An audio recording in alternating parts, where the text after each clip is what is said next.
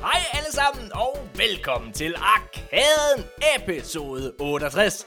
Arkaden, det er en podcast, hvor hver eneste uge taler om de største og de nyeste nyheder inden for gamingverdenen. Og det er ikke bare hvilken som helst podcast. Nej, det er Danmarks mest lyttede og mest populære gaming podcast. Wow, hvor er det fedt, Morten. Ja, det synes jeg også, det er. Mega dejligt. Og det er også, ved I, hvad der også er rigtig fedt? Nej, det ved vi ikke. I dag har vi mega godt besøg. Igen, igen, igen, igen. Fordi ikke nok med, at jeg har Nikolaj, verdens mest middelmådige person, så har vi også en over gennemsnittet person med. Oh my god. Det er, det Ikke er, om dig selv. det er, øh, det er sådan Michael. Michael Jo. Eriksen. Kald, kald ham, hvad du vil. Kært barn har mange navne. En af, en af mine egne personlige favoritter på den danske YouTube-scene og gaming-scene generelt. Mm. Øh, vi har haft fornøjelsen af at have haft øh, ham med en gang før, og nu bød chancen sig simpelthen igen. Velkommen tilbage, Michael. mange tak, mange tak. Det er rart at være her igen. Ja. Dog ærgerligt, at det er episode 68. Bare lige en fra, mand, at være på den bedste episode, mand. Har du nogle gode fif hvad vi, til hvad vi kan tale om i episode øh, 69? Ah, jeg sidder... Det, det, øh, vi, vi snakkede lige før, vi gik i gang, om der var noget, jeg ville plukke. Jeg, jeg har faktisk noget, øh, jeg egentlig vil nævne. Øh, Jeg er i gang med at lave noget research, og det er med meget, lidt, øh, meget, meget stor øh, udråbstegn, at det er research Ja, på en god gamle drengerøvspil, især Ja. ja. på midt-2000'erne. Altså ting som uh, Rumble Roses, noget P-wrestling, halløj, Leisure Suit Larry, og... Øh, oh, ja, Let's Shoot Larry, det kan jeg fucking godt huske. Det er ham, der er den gamle, gamle spil, vil som der var for rigtig drengerøv, ja. Ja, okay, ja. Er det, er det gode spil? Jeg kan huske, at jeg måtte ikke få dem på min far, tror jeg. De er, de, er ikke, de er ikke gode spil, men det er i hvert fald noget, der får, hvad hedder det, drengerøvene til sådan at lige kigge. Nå, gaming, det, ja, det kan godt være, det kan godt være noget for mig alligevel, der, der babser der, så det... Altså, så det jeg noget. kan... Jeg, jeg, Det er jeg, Morten, du beskriver der jo, faktisk. jeg, jeg, jeg kan sige, at jeg, altså, det gik op for mig, da du skrev, du skrev til mig, ej, hvor er det ærgerligt, det der, at øh, du ikke hører med i uh, episode 68. Og så slog det mig lige, hvem har vi egentlig med i næste uge? Nu kan jeg bare sige det her fra starten af. I næste uge, der har vi Christina Schrøder med, som man måske kender som, Åh oh, gud, øh, det er perfekt. Stinella. Hvad hedder det? Jeg har aldrig talt med hende før. Hvad hedder det? Så det glæder jeg mig rigtig, rigtig meget til. Altså, hun, Hun er, er så cool, mand. Hun er, hun er jo en MP, Mm. har jeg fundet ud af. Hvad hedder det? øh, og hvad hedder Ja. det? Stinella er jo, øh, hvad hedder det, også øh, Pixel veteran, vil jeg næsten kalde det. Ja. Jeg, kan, jeg kan huske, øh, hvis man ikke ved det, så så Michael, han er jo øh, ved Pixel TV. Du er ansat ved Pixel TV Mm. og laver nogle af de federe ting ved, ved Pixel, vil jeg sige. Øh, blandt andet fandt vi lige ud af her, inden vi tændte for mikrofonen, at der er det her wrestlingspil. Hvad er det, det hedder, wrestlingspil der? Og det, det er personligt, det jeg lavede jo. Uh, Er det, ri- er det dig, der har lavet det her? Okay, okay. Ja. Så Michael har selv lavet det her. Jeg, jeg, jeg tror bare, jeg så det i en eller anden pixel-sammenhæng. Måske fordi Benze, han er, Thomas Benze, han er blevet tagget i det. Men ja. Du har lavet sådan, du har, i, igennem det her wrestling-spil, så har du lavet, så kan man nu bare skabe sin egen karakter og sådan noget, og så har du yes. Lavet Thomas Benze mod Jakob Stegelmann i yes. sådan en wrestling øh, De setup. ultimative nørder mod hinanden. Ja. Uden at de rigtig kommer til skade, så det gør det endnu sjovere jo. Altså, det, det gør det fint. Så, så Ja. bliver man ikke sådan bekymret der. Næste gang, så skal du lave Jacob E. Hinsley også. Hvem siger du? Hvem siger du? Hvem siger du? Nej, jeg, jeg, hør, jeg hørte ikke det halve sætning, så det... Jakob E. Hensley, han er, han er pølsemandens Jakob Stelman, vil jeg sige. Nå, Han er, han er fra Handu, han er... Han Undskyld, der var er jeg for min kaffe gal i halsen. Jeg tror, det var, at det er ikke mange episoder siden, Morten, hvor du sagde, at Jacob E. Hinsley, han skulle sidde ved, ved Jacob Stelmans dødsleje og sige, bare giv slip, og så skulle han tage kongekronen. så ja, Jakob han øh, har jo den fabelagtige podcast, der hedder Handuo. Hvis man ikke lytter til den, så synes jeg bestemt, man skal begynde at gøre det. Øh, og dårligdommerne også for den sags skyld, og så videre, og så videre, og så videre. Øhm, hvad hedder det? Men ja, øh, du, er ved, du er ved Pixel, og laver en masse fede ting der, og øh, streamer ja, regelmæssigt både for Pixel og for dig selv. Er det korrekt? det er rigtigt, ja. Fedt. Og der, der er det jo bare sådan for, forskellige ting, som der bliver streamet. Altså, vi kører lige nu en øh, form for fire timers øh, Pixel live show, hvor vi skifter rundt med forskellige øh, indslag her for tiden. Nu har vi lige sommerferie med det. Men så er det altså tirsdag og fredag, og forhåbentlig så bliver det alle hverdage. Der er det så, at vi sådan prøver at lave sådan noget, øh, hvad hedder det, med masse forskellige indslag, anmeldelser, anbefalinger, trailerreaktioner, alt muligt, og så ja. øh, gør vi det til sådan nærmest en, en god eftermiddags Danmark eller et eller andet, ikke? Altså, for gamer. og, hvis der, og det er jo noget, hvis Thomas Benz han har styr på noget som helst, så er det jo god aften og god morgen Danmark. Altså, Yes. så, nu tager han god, aften, god eftermiddag Danmark. Det er fedt. Yes. Det er dejligt. Prøv at høre, øh, jeg, vil- jeg vil sige før i forhold til Stenella, jeg kan jo huske mig og Nikolaj, vi havde den store fornøjelse af at være nede i Gamescom tilbage i 2018, øh, hvor, hvor vi interviewede Bungie, og øh, der var Pixel TV også nede. Og der kan jeg huske, at Stenella var med som altså Pixels repræsentant, øh, repræsentant, repræsentant, hvad? Hey! Du sagde det rigtig anden gang. Robot lukker ned. okay, Jeg bliver nødt til at afbryde podcasten, fordi Morten har fået en jernblødning. ja, nu det, nu er det slut. Nej, hvad hedder det, hvor hun var øh, frontfigur for Pixel TV. Jeg ændrer ordet. Hende, hende repræsentant, og Jøden var repræsentant. sendt det over i hvert fald. Øh, jeg, kan, jeg kan selv huske, at vi sad derhjemme tilbage øh, og skulle prøve sådan lave den der totale Ulla Terkelsen der. Og her har vi Stinella og Jøden der fra øh, Køln i Tyskland. Hvad Ja. har I prøvet? Farming Simulator. Minigolf. det, var det, det, var de, det var mest de ting, som de snakkede om. Jo. Det var underholdende, det var sindssygt underholdende. Vi havde også nogle fede indslag fra dem, jo, hvor de prøvede. Jamen altså, hvordan er det med øh, hendes kæreste, øh, Michael Jøden? Øh, Mm. Er han også gamer, eller hvordan er det? Ja, ja, ja, han er også gamer. Okay, sindssygt. Ja, fordi De er altså, alle Stine, gamer, de er alle sammen. Stinella, Stinella kender jeg jo lidt, fordi hun har også været vært på et, øh, på et computerspilsprogram for, for nogle år tilbage. Mm. Øh, og, øh, og ja, altså, når man følger hende på Instagram, hvad hedder det, så kan man se, at hun jo altså tit spiller og laver diverse samarbejder med, med Ubisoft og Xbox, og jeg skal komme efter jer. Øh, Mhm. Så det er jo, ja, fedt. Nå, prøv at høre. Nok om Stinella, Stinella. Hende kan vi snakke om i næste, i næste uge. Prøv at lade os snakke lidt om, om os selv. Hvis der, vi har brug for lige at, at gokke hinanden lidt. I hvert fald, hvis I nu gokker mig, så skal jeg overveje at gokke jer. Er det ikke det, Jeg vi føler, jeg føler ikke, vi bestiller andet, Morten, men okay, okay. go on. Hvad hedder det? Prøv at høre, vi skal selvfølgelig snakke en masse om øh, nyheder i øh, den her uge. Og øh, der er jo desværre sket en masse på, på The Last of Us øh, part 1-fronten, hvor der har været en masse backlash mod Playstation. Nok en gang, vil jeg næsten sige. Øh, så skal vi snakke lidt omkring øh, et potentielt køb fra Microsoft. Der er en analytiker derude, der, har, der påstår, at, han, at øh, Microsoft kunne finde på at købe Netflix.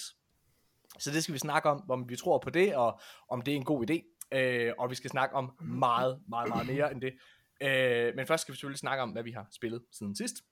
Mm. Og øh, jeg tænker næsten, at vi starter med dig, Nikolaj. Ja, yeah, let's get it out of the way. Jeg har bare spillet Elden Ring, og jeg er i rigtig godt humør lige nu, og jeg har stadigvæk, mit hjerte det hammer stadigvæk, for jeg har lige smadret en boss, jeg har prøvet, har kæmpet ved, jeg ved ikke, altså. Jeg tror, vi er i hvert fald over 25 forsøg på, og nu har jeg endelig klaret den, det, ja, så det er fucking godt. Jeg er, jeg er totalt bit af det. Inden vi starter podcasten her, altså hvor det er, vi, vi- vi, sidder og optager online, og, øh, og jeg øh, sender et link til, øh, til Nikolaj, og så, øh, og så sætter han mig på, på hold. Jeg siger, Morten, du har forståelse for det her, jeg er så lige i gang med en, øh, med en boss i, øh, i Elden Ring, og jeg, jeg har lige fundet et par ekstra nyheder, vi skal tale om, så det er fint og alle mulige ting. Men der har jeg simpelthen, altså jeg, vil- jeg vil ikke sige fornøjelsen. Det var lidt ulækkert. Fordi jeg kan sidde og se Nikolaj, og jeg kan se hans ansigt, da det er, han slår den her boss, som han har kæmpet imod i rigtig, rigtig, rigtig lang tid, ikke også? Og det er, og han siger det selv, det er bedre end sex lige bagefter, det tror jeg på, det er så, jeg har aldrig set noget så ulækkert. Men Morten, der er få mennesker, der har set det ansigt, og selvfølgelig er du en af dem. Det giver mening. det er klart. Ej, men Må det er, lige- det er fucking fantastisk. Hold kæft, det er godt. Apropos sex. Nu tager jeg lige, vi kører lige et, et U-turn. Er I klar, mine damer og herrer? Nu siger jeg bare, jeg har været oppe øh, og, og handle i dag. Øh, hvad hedder det? Min kæreste, hun gider ikke og hvad hedder det, bruge p-piller længere. Det er hun rigtig træt af, så vi går over til helt god gammeldags condoms. Og øh, det er jo fair nok, så øh, det er mit ansvar ligesom at købe kondomer. Og øh, nu siger jeg bare noget, ikke? Jeg er 33 år, og øh, jeg kan huske, dengang jeg var 15 eller sådan noget, det tænkte jeg, det, det er fandme akavet at gå hen og købe sådan en, en gang kondomer. Det kan jeg huske. Sådan en lille, lille skrøbelig Morten Urup, da han var 15 år. Det, det havde han ikke rigtig lyst til. Der kan jeg sige, 33-årig Morten Urup Ja. gider det endnu mindre. Hedder det? Hvor det er sådan, at man bliver jo nødt til, du kan ikke bare gå ind at købe en pakke kondomer. Du bliver nødt til lige at kamuflere det lidt. Hvad hedder det? Så jeg går, jeg går ind, så finder jeg lige, jeg finder en, øh, en liter mælk, og jeg finder lige lidt tyggegummi, og jeg finder lige en energidrik, og så, så skal jeg så hen og finde kondomerne. Men så, i den rema her, og nu kommer historien. Normalt, det er sådan, vi har lavet et samfund, hvor kondomerne, de er op ved kassen. De er lige ovenover tyggegummiet, ikke? Nej, var du nødt til at spørge efter dem? Det er de ikke. Og jeg går, jeg går fribrilsk rundt, desperat rundt i den her Rema. Hvor kan det være? Og det er sådan, det bliver en skattejagt. Jeg, jeg bliver rundt, hvis jeg Ej. var nogle kondomer, hvor vil jeg så gemme mig. Så kan det være, kan det være over ved shampoo. Er det ved grøntsagerne? Ja, det godt at jeg går hen og kigger, jeg kigger, jeg kigger, jeg er nødt til at ringe til min kæreste. Desperat siger, jeg aner ikke, hvordan. Nå, så må vi jo bare lade være bold. Nej, alt andet end det, Tanja, just. Alt andet end det. Så jeg går, jeg går sådan, jeg er sikker på, at den her stakkels kassedame, hun er ikke så gammel. Og jeg, det gør det også, der er en grund til, at jeg ikke har lyst til at gå op og købe de her kondomer for og spørge om, hey, hvor er kondomerne hen? Hvad hedder det? Det har jeg ikke tænkt mig at spørge om. Nej, nej, nej, nej. Hvad hedder det? Men jeg, jeg går sådan nogle runder rundt om kassen, så jeg, jeg tror, hun giver mig lige sådan et, et nervøst blik, som om jeg er en bankrøver, der venter på, hvad hedder det, at, at folk de ligesom går væk, så jeg kan gå op og sige, hit med pengene, og det havde jeg, jeg havde selvfølgelig, selvfølgelig bare sagt, hit med kondomerne, hvis det var, men Hit med gummiet. det var fucking kommet. Men, øh, men det lykkes heldigvis ikke, så jeg bliver nødt til at gå op og så kigge kig hende ind i øjnene og sige, undskyld, det er bare, hvor er jeres kondomer egentlig? Ej, ej, hvor er det pinligt. Ah, ah, de er nede ved shampooen. Jamen, jeg har kigget ved Nej, shampooen. nej, nej. Jeg har kigget ved shampooen. Hvor er det henne? Og så må hun gå med mig ned. Nej. Stakkels ungarbejder. Nej, nej, Der! nej. Nå, fedt. Skal du bare have en pakke? Ja, det er fint. og så går jeg på køb. Ja, det var virkelig, det var nederen. Det var sgu nederen. Fuck Rema, vil jeg bare sige. Hvad er det for noget at udsætte mennesker for? Vi har en social aftale om, de hænger op ved kassen, så man bare diskret lige kan tage dem ned og så kigge væk. Fuck jer, Rema 1000! Rand over. Jeg har virkelig ondt af den der... Jeg har virkelig ondt af den der ungarbejder. og hun har helt sikkert siddet og fortalt om det til frokostpausen. Det er der slet ikke nogen tvivl om. Oh, Ham der nede Hensted har bag om øh, kondomer her. Jeg finder det heller ikke, men han får åbenbart skrald en gang imellem. det er sindssygt. Tænk, der er nogen, der gider at være sammen med ham. Hvad hedder det? Okay. oh. Nikolaj, Elden Ring, er det stadig godt? Det er stadig godt. Jeg vil gerne høre, hvad Son Michael, han har nemlig spillet et rigtig specielt spil. Kan vi ikke give bolden videre til ham? Eller vil du tale først, Morten? Nej, jeg vil gerne kan. Jeg har snakket nok. Lad os kaste bold øh, videre til, til, hvad hedder det, til Michael. Fordi vi fandt ud af i sidste episode, at øh, de her to spil, der hed As Dusk Falls og øh, Stray, som udkom på henholdsvis PlayStation 5 og øh, Xbox, øh, de kom ud i, øh, i sidste uge. Anmeldelserne kom ud i sidste uge. Og begge to fik ret gode reviews hele vejen rundt. Mm. Øh, og Michael, du har jo simpelthen leget kat. Ja, jamen jeg er faktisk også jo et kattemenneske, og det har jo ikke været nogen hemmelighed jo. Jeg har min egen øh, kat Tulle, som øh, jeg deler min lejlighed med jo. Ja. Så øh, selvfølgelig, da jeg hørte om et spil, som øh, går ud på, at du er en kat i sådan en dystopisk cyberpunk fremtid eller sådan noget, der, jeg var forelsket lige fra starten af, og jeg, jeg kan roligt sige, at det, det har været ventetiden værd. Sådan da i hvert fald. Okay. Det er Altså, ret spillet kort, ikke? styres rigtig godt jo. Jamen det er netop det, det, det er ret kort. Ellers, det, spillet fungerer rigtig fint, og grafisk er det meget fedt. Jeg elsker æstetikken og hele lortet, men ah, det er kun 5 timer, det tager at gennemføre. Ej, det det, lyder da fantastisk. Det lyder da fantastisk. Og jeg er er for, forestille jeg er for fuldvoksne mennesker, som der ikke har så meget fritid. Ja, selvfølgelig at gennemføre det på 5 timer, men når man har ventet i så lang tid på et spil, og så sidder man der, yes, og så er man færdig ja. samme aften. Ja.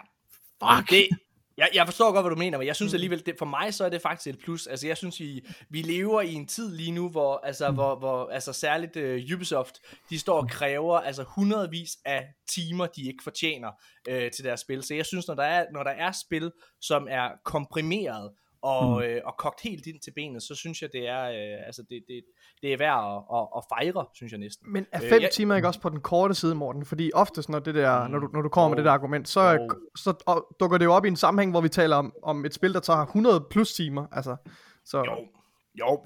Jeg tror alligevel, altså jeg kan da huske, når jeg spillede, øh, altså de gamle Call of Duty campaigns og sådan nogle ting, de tog da også omkring de der 5-6 timer. Mm. Altså det havde jeg ikke det store problem med. Jeg er med på, så er der mere Så er der en multiplayer komponent ved mm. siden af, som, som selvfølgelig også øh, øh, validerer prisen, eller hvad man skal sige, men øh, ja, ja, okay. Men, men, men de fem timer, var ja. de så gode? Hvad de var meget spillet? gode. Det var hvad en fed historie, det er en fed historie, du, du lever dig helt ind i det, ikke? og alt det du kan leve som katten, fordi du er en fucking kat jo, det gør det bare ekstra sjovt. Og man, man begynder nærmest at sådan komme ind i mindsetet på katten, fordi så lige pludselig så begynder man bare random at gå, gå, gå i gang med de her ting. For eksempel, du ser et, øh, du ser et guldtæppe, det vil jeg krasse. Og så går jeg over og krasser det med det samme jo. Hvorfor? Fordi jeg kan. du ser en eller anden plastikpose, den skal jeg da på hovedet jo, og så bliver controls omvendt og alt det der, ikke? Men altså, du, er du, er du, gør alle de her random ting, fordi du er nysgerrig. Er du blevet ligesom, klogere på din egen kat så, Michael? Det, det er jeg. jeg er blevet meget klogere nu. Hvad, Men hun får stadig skæld ud, hvis hun krasser min sofa. Det, det, det, det, det. Hvad, hvad giver du spillet, hvis du skulle anmelde det? Øh, fra Jamen, 1 til, hvad, hvad, hvad vil du give? Fra 1 til hvad? Øh, hvis vi... Øh, ærligt, ærligt, det, her, det, det er sådan en hemmelighed her under den her, ikke? men jeg hader 6 point systemet, vi har her på Pixel TV. ja, jeg kan også bedre lide ved spil, det er sjovt, der kan jeg også bedre lide fra 1 til 10 øh, på en eller anden måde. Jeg synes, det er mere... Øh, det, men hvad, vil, hvad vil Ej, så men? Nu har jeg friheden til at give det fra en skala fra 1 til 10, og så vil jeg ja. sige, at det skal få et, øh, et, et stort og et flot øh, syvtal. Okay. Nå. Stort, flot okay. syvtal, og det, det skal man ikke tage det det skal man jo ikke tage det som en mega, mega negativ ting. Det er mest bare på grund af længden, der gør, at når du så er færdig med spillet, når du er 100% færdig, så sidder man lidt med den her fornemmelse af, så, så har jeg ikke nogen årsag til at hvad hedder det, spille det videre. Og så også oven i købet, det koster 300 kroner, det her. Okay. Det er lige lovligt for mange det er stejlt. Det er stejlt for noget, der, jeg ved godt, det, det er ikke tænkt til, at det er ikke et indie-spil, men, men med 5 mm. timer, det synes jeg er en stejl pris. Men hallo, drenge og piger, det er jo stadigvæk halv pris for det Playstation normalt tager for deres spil, så det er jo fedt. That's det er jo ikke 650 kroner, vel? Nej. Prøv, hvad hedder det? Ej, okay, jeg, altså jeg, jeg må indrømme, jeg er stadigvæk ret tændt på det. Øh, hvad hedder det? Det glæder mig til at spille, når jeg er i hvert fald det spil, der skal opleves. Det tænker jeg også. Altså, hvad, vil, du, vil du fortælle, hvad der trækker spillet ned? Er det bare længden på det, eller... Det er mest bare, jamen det er netop det, jeg synes ikke, ja. du gør nogen ting forkert. Nej. Der, på et tidspunkt, hvor du sådan skal skjule for sådan nogle øh, robotkameraer, og der føler jeg nogle gange, at AI'en begynder at få sit eget liv midt i det hele. Øh, normalt har de sådan en, en, en rutine, de kører rundt i, og så hvis de prøver at få fat i dig, så kan du bare skjule dig i en kasse, og så forsvinder mm. en rigtig med gear style, kan man sige. Ja. Men så lige pludselig, så har jeg bare oplevet, at så fik de bare deres eget liv, og gik ikke tilbage til rutinen, og så bare sagde, nej, nu vil jeg op ad trappen. Det, det er ja. normalt ikke der, hvor jeg kører hen, men der var jeg nu hen, og så blev jeg opdaget og, og skudt ned der af en eller anden årsag. Ja. Det er det eneste, det er det eneste, men det er jo noget, der altid kan patches eller sådan noget, ikke? Ja, men altså om ikke andet, så er det jo et, altså et vildt unikt spil. Altså, mm. øh, så det, øh, det tænker jeg da næsten, at hvis man har en Playstation, så synes jeg, at man skylder sig selv, og om ikke andet overveje kraftigt at, at give det et skud, ikke? Eller man kunne også købe det til PC. Det, øh, det blev moddet som bare fanden her i denne her Og uge. det er jo ikke engang noget med at købe det, fordi det er jo faktisk tilgængeligt på PlayStation Plus. Også det. Så altså, hvad hedder det, hvis man har PlayStation Plus, så skal man jo bare downloade det, men det er rigtigt, man kan, man kan spille på PC, det har jeg bare så læst. Øhm, jamen så øh, lad os da kaste bolden øh, videre til mig. Mm. Jeg har øh, spillet øh, As Dusk Falls, og øh, jeg har ikke gennemført det helt endnu. Det er et, øh, det er jo et spil, der fungerer på meget på samme måde som Telltales øh, historiedrevne spil. Den har endda sådan et, hvad kan man sige, et, kap, øh, et, et, et kapitelsystem af en art, hvor det er, at man ligesom sidder og, der er seks kapitler i hele spillet, og så, øh, hvad hedder det, og så sidder man og ja, hver kapitel tager en time til halvanden, ikke? Og, og, og komme igennem. Men det, er sådan, det slutter med en cliffhanger, sådan meget episodisk. Øh, det, det, det kan jeg rigtig godt lide. Jeg er jo en sokker, vil jeg sige, fra starten af. En sokker for de gamle Telltale, eller okay, ikke helt de helt gamle, men der hvor Telltale var på sin storhedstid, med The, The Walking Dead, uh, Wolf Among Us, Tales from the Borderlands, øh, altså, og The Batman, som de lavede, som jeg også synes var rigtig god. Hvad hedder det? Øh, jeg er en sokker for de spil. Og det er nok også derfor, jeg nyder det her så meget. Jeg har gennemført fire af de seks kapitler, og øh, hvis vi ikke havde siddet og skulle optage podcasten nu, så sad jeg og spillede det. Øh, det har virkelig, virkelig hævet i mig. Jeg, jeg synes, historien er virkelig, virkelig, virkelig god. Øh, jeg synes, at styringen er... Der er sådan tre ting, man ligesom gør. Øh, hvad hedder det? Altså sådan styringsmæssigt. Det er sådan meget mere ligesom... Altså, hvad, hvad hedder det? Sådan et... Øh, hvad hedder det, hvor man sidder og skal trykke på, på, uh, press X? Eller hvad det hedder. Hvad hedder det? Time events. Ja, det er, det er ja, sådan lidt QuickTime. quick time event baseret på samme måde som det er i Telltale. Du skal, øh, du, du, du skal også vælge, hvad du siger i de forskellige øh, scenarier, men, men der er også øh, action elementer, hvor det er, som fungerer som en slags øh, som, som quick time event. Og det synes jeg fungerer rigtig, rigtig godt. Jeg synes, at artstylen er vanvittigt unik. Hvis man ikke har set det, så er det det her jamen sådan lidt oliemaleris-agtigt, øh, agtigt, øh, hvad hedder det, eller, ja, det er svært at forklare, det her bare, nej, ikke oliemaleri, det, det, det, det er bare sådan, det, det, det er stillbilleder, men som kører hen over en 3D baggrund, som bevæger sig, hvor karaktererne, de er ligesom stillestående, men mm. alt andet bevæger sig. Det, øh, ja, det er virkelig godt, det er svært at forklare, men det fungerer så godt, og du, der går et minut, så har du vendet dig til det. Øh, Det er og lidt musik, som en uh, graphic novel, der er blevet bragt til Fuldstændig. live. Ikke? Fuldstændig, fuldstændig. Og, ja. og, og det er præcis det spil, øh, hvad hedder det, jeg, altså jeg manglede lige nu med at sige. Jeg, øh, jeg har spillet en del spil i år allerede, øh, men de to bedste spil, jeg har spillet so far, det er helt klart As Dusk Falls og, øh, og så Tunic, øh, som jeg virkelig elskede. Og ja, jeg har spillet Elden Ring og gennemført det, som jeg også synes var rigtig godt, men jeg synes, der er noget unikt ved det her, og det som Elden Ring har imod sig, det har jeg sagt før, det er, at den ikke kendte sin besøgstid, Øh, den var 30 timer for lang i min optik, og altså kørt i uh, selvsving i, uh, altså i slutningen. Det synes jeg aldrig Tunic nogensinde gør, og det synes jeg heller ikke, at den her uh, Astosk Falls gør. Jeg synes lige præcis, den er så komprimeret. Det er virkelig god uh, altså karakterdrama. Øhm, og det synes jeg, hvis man, hvis man har Game Pass, så, skal man, så skylder man sig selv at, at hente det, uden overhovedet at tøve. Ja. Mm. Mm. Nikolaj, jeg ved, du også har spillet Destiny 2, fordi ja. Vi har spillet det sammen. Så det ved jeg, du har gjort. Jeg har ja. virkelig spillet meget Destiny. Jeg har grindet øh, mere eller mindre alt, hvad man kan lave i den her øh, nuværende sæson.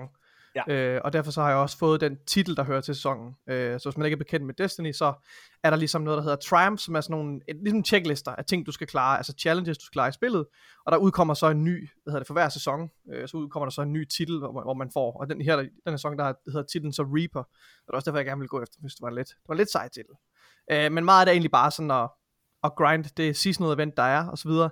Men, øh, men jeg har sgu egentlig hygget mig meget med det, må jeg indrømme. Øh, jeg har spillet meget sammen med min kæreste også, men øh, ja, det, det er ikke den bedste sæson, synes jeg ikke, i forhold til content. Nu har jeg ligesom et, et overblik over alt det, øh, sæson, øh, sæsonen tilbyder. Ja. Øh, og jeg synes, i forhold til det content, vi har fået, er det ikke den bedste. Øh, den virker en lille smule øh, maver, som du også har sagt før, Morten. Ja. Øh, og så historien er rigtig fin, men, men, men den føles også, som om den var hurtigt overstået, øh, Ja. tænker jeg. Øh, Ja, det er jo sådan, øh, de her, hvad hedder det, sæsoner, øh, der er ligesom, der er content, øh, hvad kan man sige, der ligesom er fordelt ud over 10 uger, og allerede efter den 6. uge, så var, eller 5. tror jeg måske endda det var, øh, men i hvert fald e- efter 5. eller 6. uge, så var historien faktisk, som er derfor, du spiller, Ja. det er derfor, du logger ind hver eneste Mm. tirsdag, der var den overstået. mm. Øh, og så er det rigtigt, så kan man sidde og, og grinde efter titler, som Nikolaj og hans kæreste har gjort. Øhm, det, det, det, det, det synes jeg ikke. Jeg synes, det er blevet for grindy, og jeg synes, der er en grund til, at den hedder Reaper, den her, fordi at når du er færdig, så har Bungie simpelthen høstet din sjæl. Der er intet tilbage. Ja. Det er, øh, altså, det, det, der, er- der er så, ja, jeg kan slet ikke forstå, at man gider. Det må jeg godt nok sige. Jeg synes, jeg synes Så, det slemt, så slemt er det faktisk heller ikke. Så, nu synes jeg, du gør det lidt værre end det er. Okay. Altså, der er nogle andre titler, der er meget mere grindy, især nogle af de ældre titler. Dengang du var rigtig begejstret for at jagte titler, der var de lidt svære at få, ja. Synes jeg. men det er rigtigt. alligevel. Det er rigtigt. Øhm, Det, så, det, så det er rigtig, det er rigtig fint. Altså, og så øh, har vi også talt om før, at, der, at Destiny på nuværende tidspunkt tilbyder meget mere også, øh, fordi nu er der ligesom en, en ugentlig øh, øh, dungeon og raid, der er Ja. på rotation, som giver rewards, øh, og det synes jeg også bare er et, et frisk bus ind i Destiny, som virkelig... Ja, men og det, det er jo derfor, ja. Vi har spillet, Nikolaj. Det er jo, det er Ja, jo for at sidde og spille det her content, fordi jeg, jeg holder stadigvæk på, at Destiny har noget af det bedste, øh, altså co-op, vil jeg faktisk mm. kalde det, øh, sådan generelt i spil.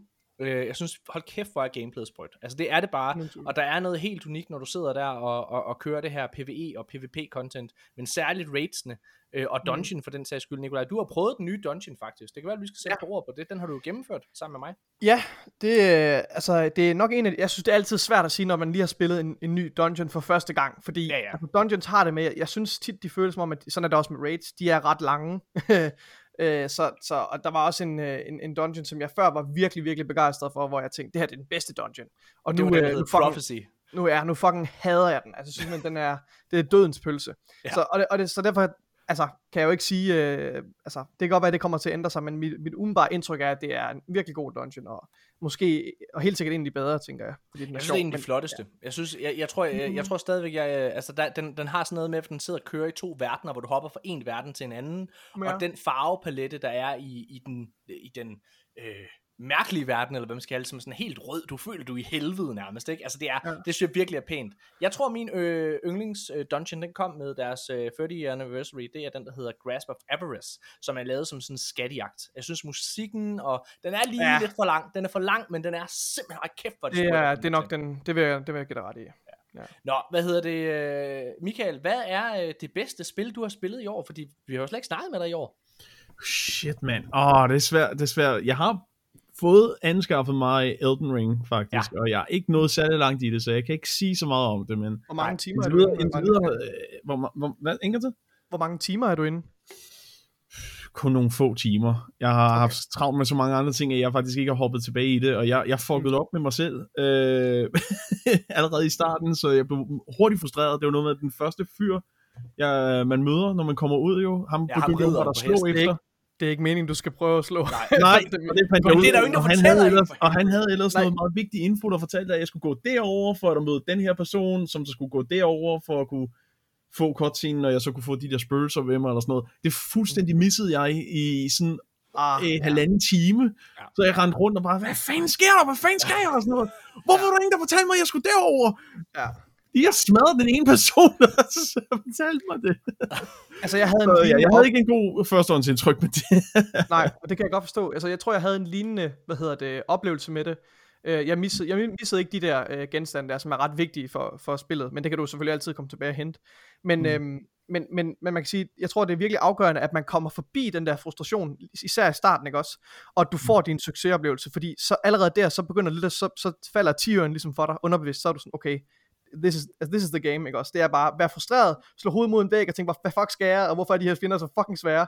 Og så må man bare, altså, jeg ved ikke, altså, nå så sammen, og så må man altså være lidt, være lidt nysgerrig og opsøgende, og bare blive ved persistence, og så bliver du belønnet for det, altså i sidste ende, og altså, ja. Jeg, er- jeg fik bare sådan en fanden i voldskred. Jeg var sådan, jeg vil erobre den her verden. Jeg vil, altså, jeg, nu skal den der fucking ridder ikke dræbe mig en gang mere nu. nu altså, nu kommer jeg tilbage og stomper ham. Ja, det, Jeg synes også, altså jeg synes, altså Elden Ring er et virkelig godt spil. Hvis jeg sådan skulle anmelde det på 6 øh, karakterskalaen, pixelskalaen, mm. så vil jeg give det 5 ud af 6, helt klart. Men, men, men der er, det, det er det der med, at den, altså jo, det er fantastisk, og det er godt, og, og, og, og der er noget helt unikt ved Elden Ring. Altså, der, der er noget, der er en spiloplevelse, jeg personligt aldrig har prøvet at få før. mm, præcis. Øh, og jeg er sikker på at rigtig mange andre, baseret på de salgstal, Elden Ring trods alt har, jeg er sikker på, at mange andre øh, har det på samme måde. Øh, Mm. mm. For jeg har jo ikke prøvet kræfter med, med Bloodborne og Sekiro og, øh, og, og Dark Souls selvfølgelig. Mm. Øhm, så det, det anerkender jeg fuldt ud, men, den, men det er det der med, at den, den, den går lige et skridt, den dypper lige tæerne for meget i, i Ubisoft-territorie, hvor, øh, altså, Ej, det synes jeg simpelthen, det synes jeg er frækt sagt. Det kan man Ja, ikke sige. det, det, det, når, Det du, er- så, når du kommer til den sidste del i spillet, Nikolaj, så lad os snakke sammen igen, ikke?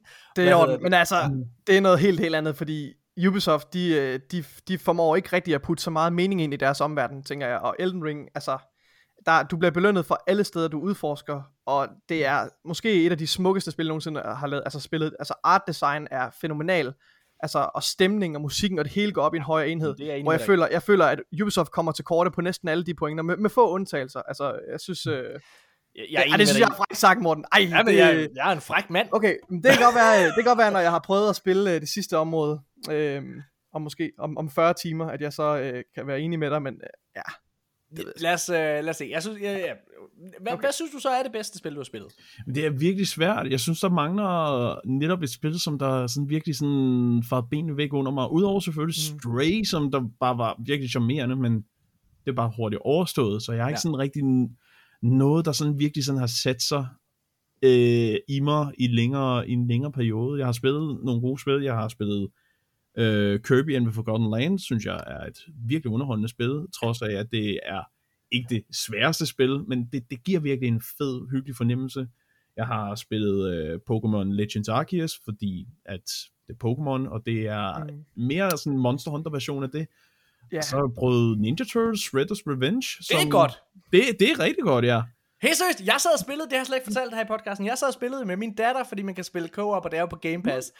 Når man starter det fucking spil, så er der en gennemspilning af øh, temasangen mm. fra, hvad hedder det, altså fra 90'erne. Og, øh, og det, det, er, øh, det er magisk. Altså helt ny, sprød, fed animation i den gamle artstyle der fra, fra 80'erne, ikke også? Altså, det er, mm. det er så godt. Og Alberte, hun har slet ikke den samme tilknytning, som jeg har. Hun, hun sagde bare sådan, ej, skal vi, ikke, skal vi ikke gå videre? Nej, hold din fucking kæft, og lad os opleve det her!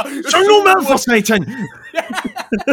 Ej, jeg, jeg synes virkelig godt. Og så er der, det er igen, når man har spillet de der arcade-spil, som jeg har, jeg er jo altså som sagt 33, så jeg, jeg har jo siddet og prøvet at spille den slags spil på, på diverse øh, bowlinghaller og så videre, dengang jeg var, var, var barn, ikke? Altså den type spil, der, der er bare noget unikt ved det. Øh, jeg tror, jeg, da jeg spillede de gamle Turtles-spil øh, på, øh, altså på en gammel PC ved, øh, ved en af mine naboer, mm. og jeg kan huske, det var bare magisk, og det er den her måde, nostalgi skal laves. Altså, det er, det, der er så meget kærlighed i det her spil. Jeg har ikke gennemført det nu, men jeg har igen hørt, mm. det er en af de kortere spil.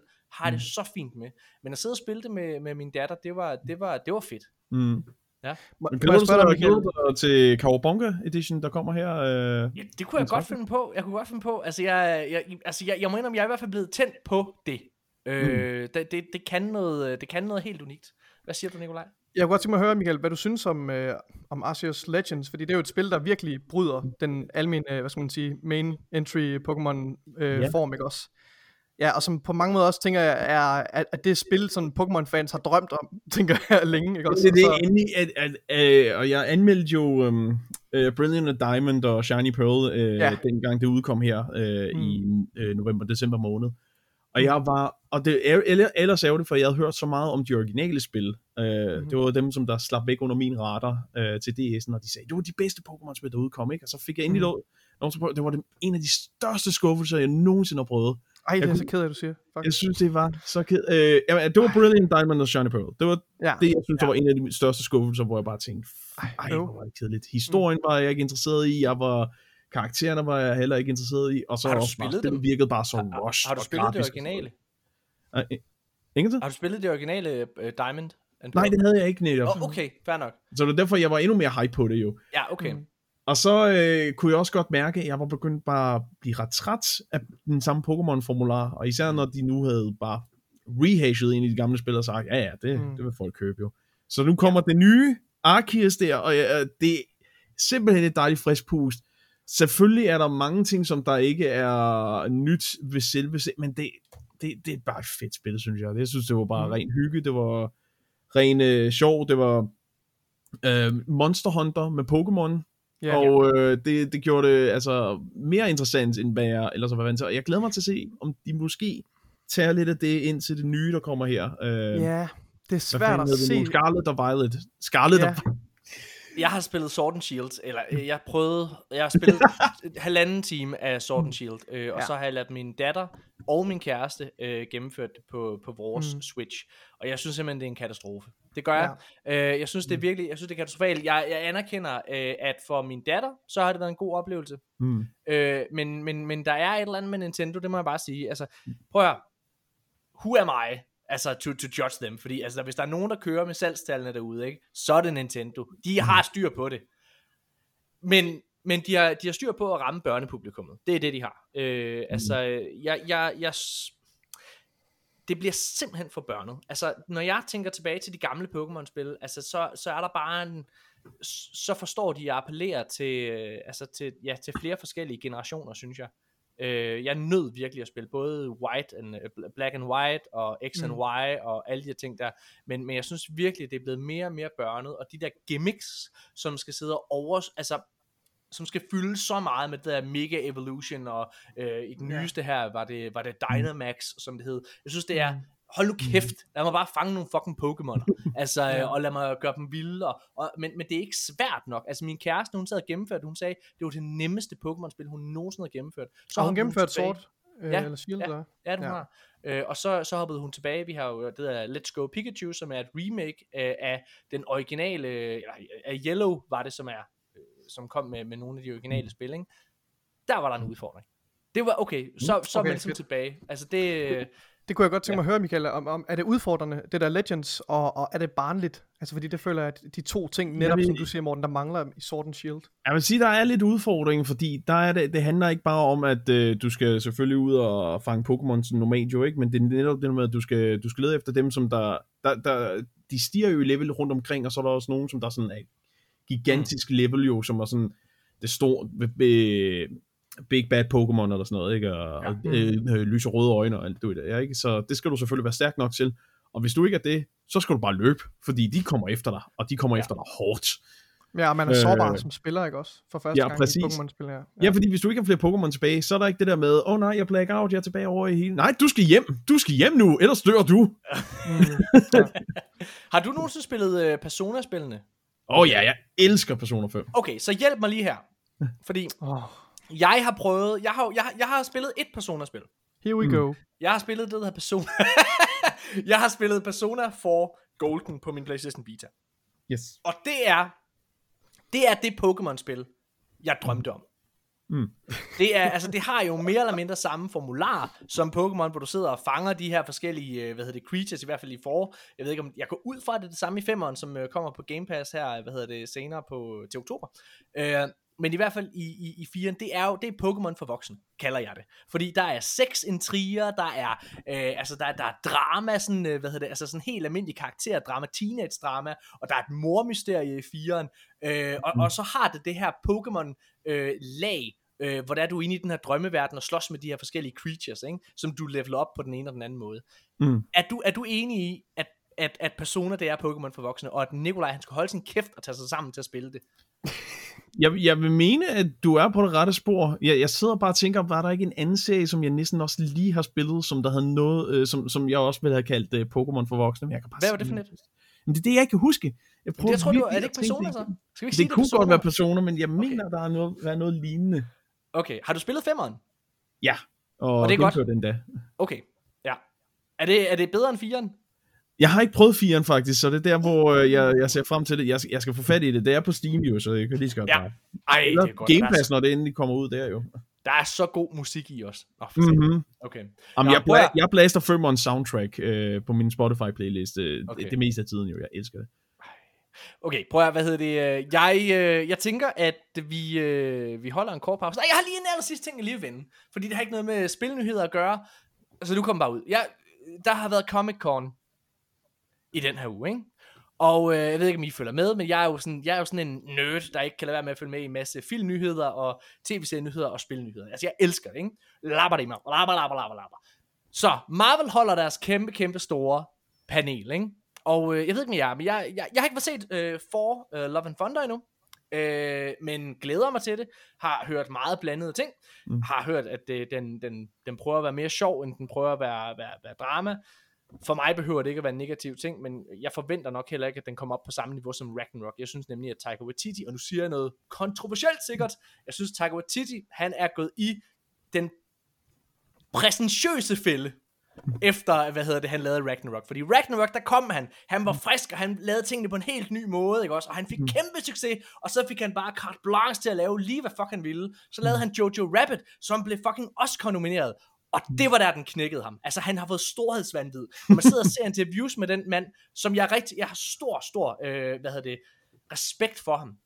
Men han er simpelthen, han spænder sit net for bredt.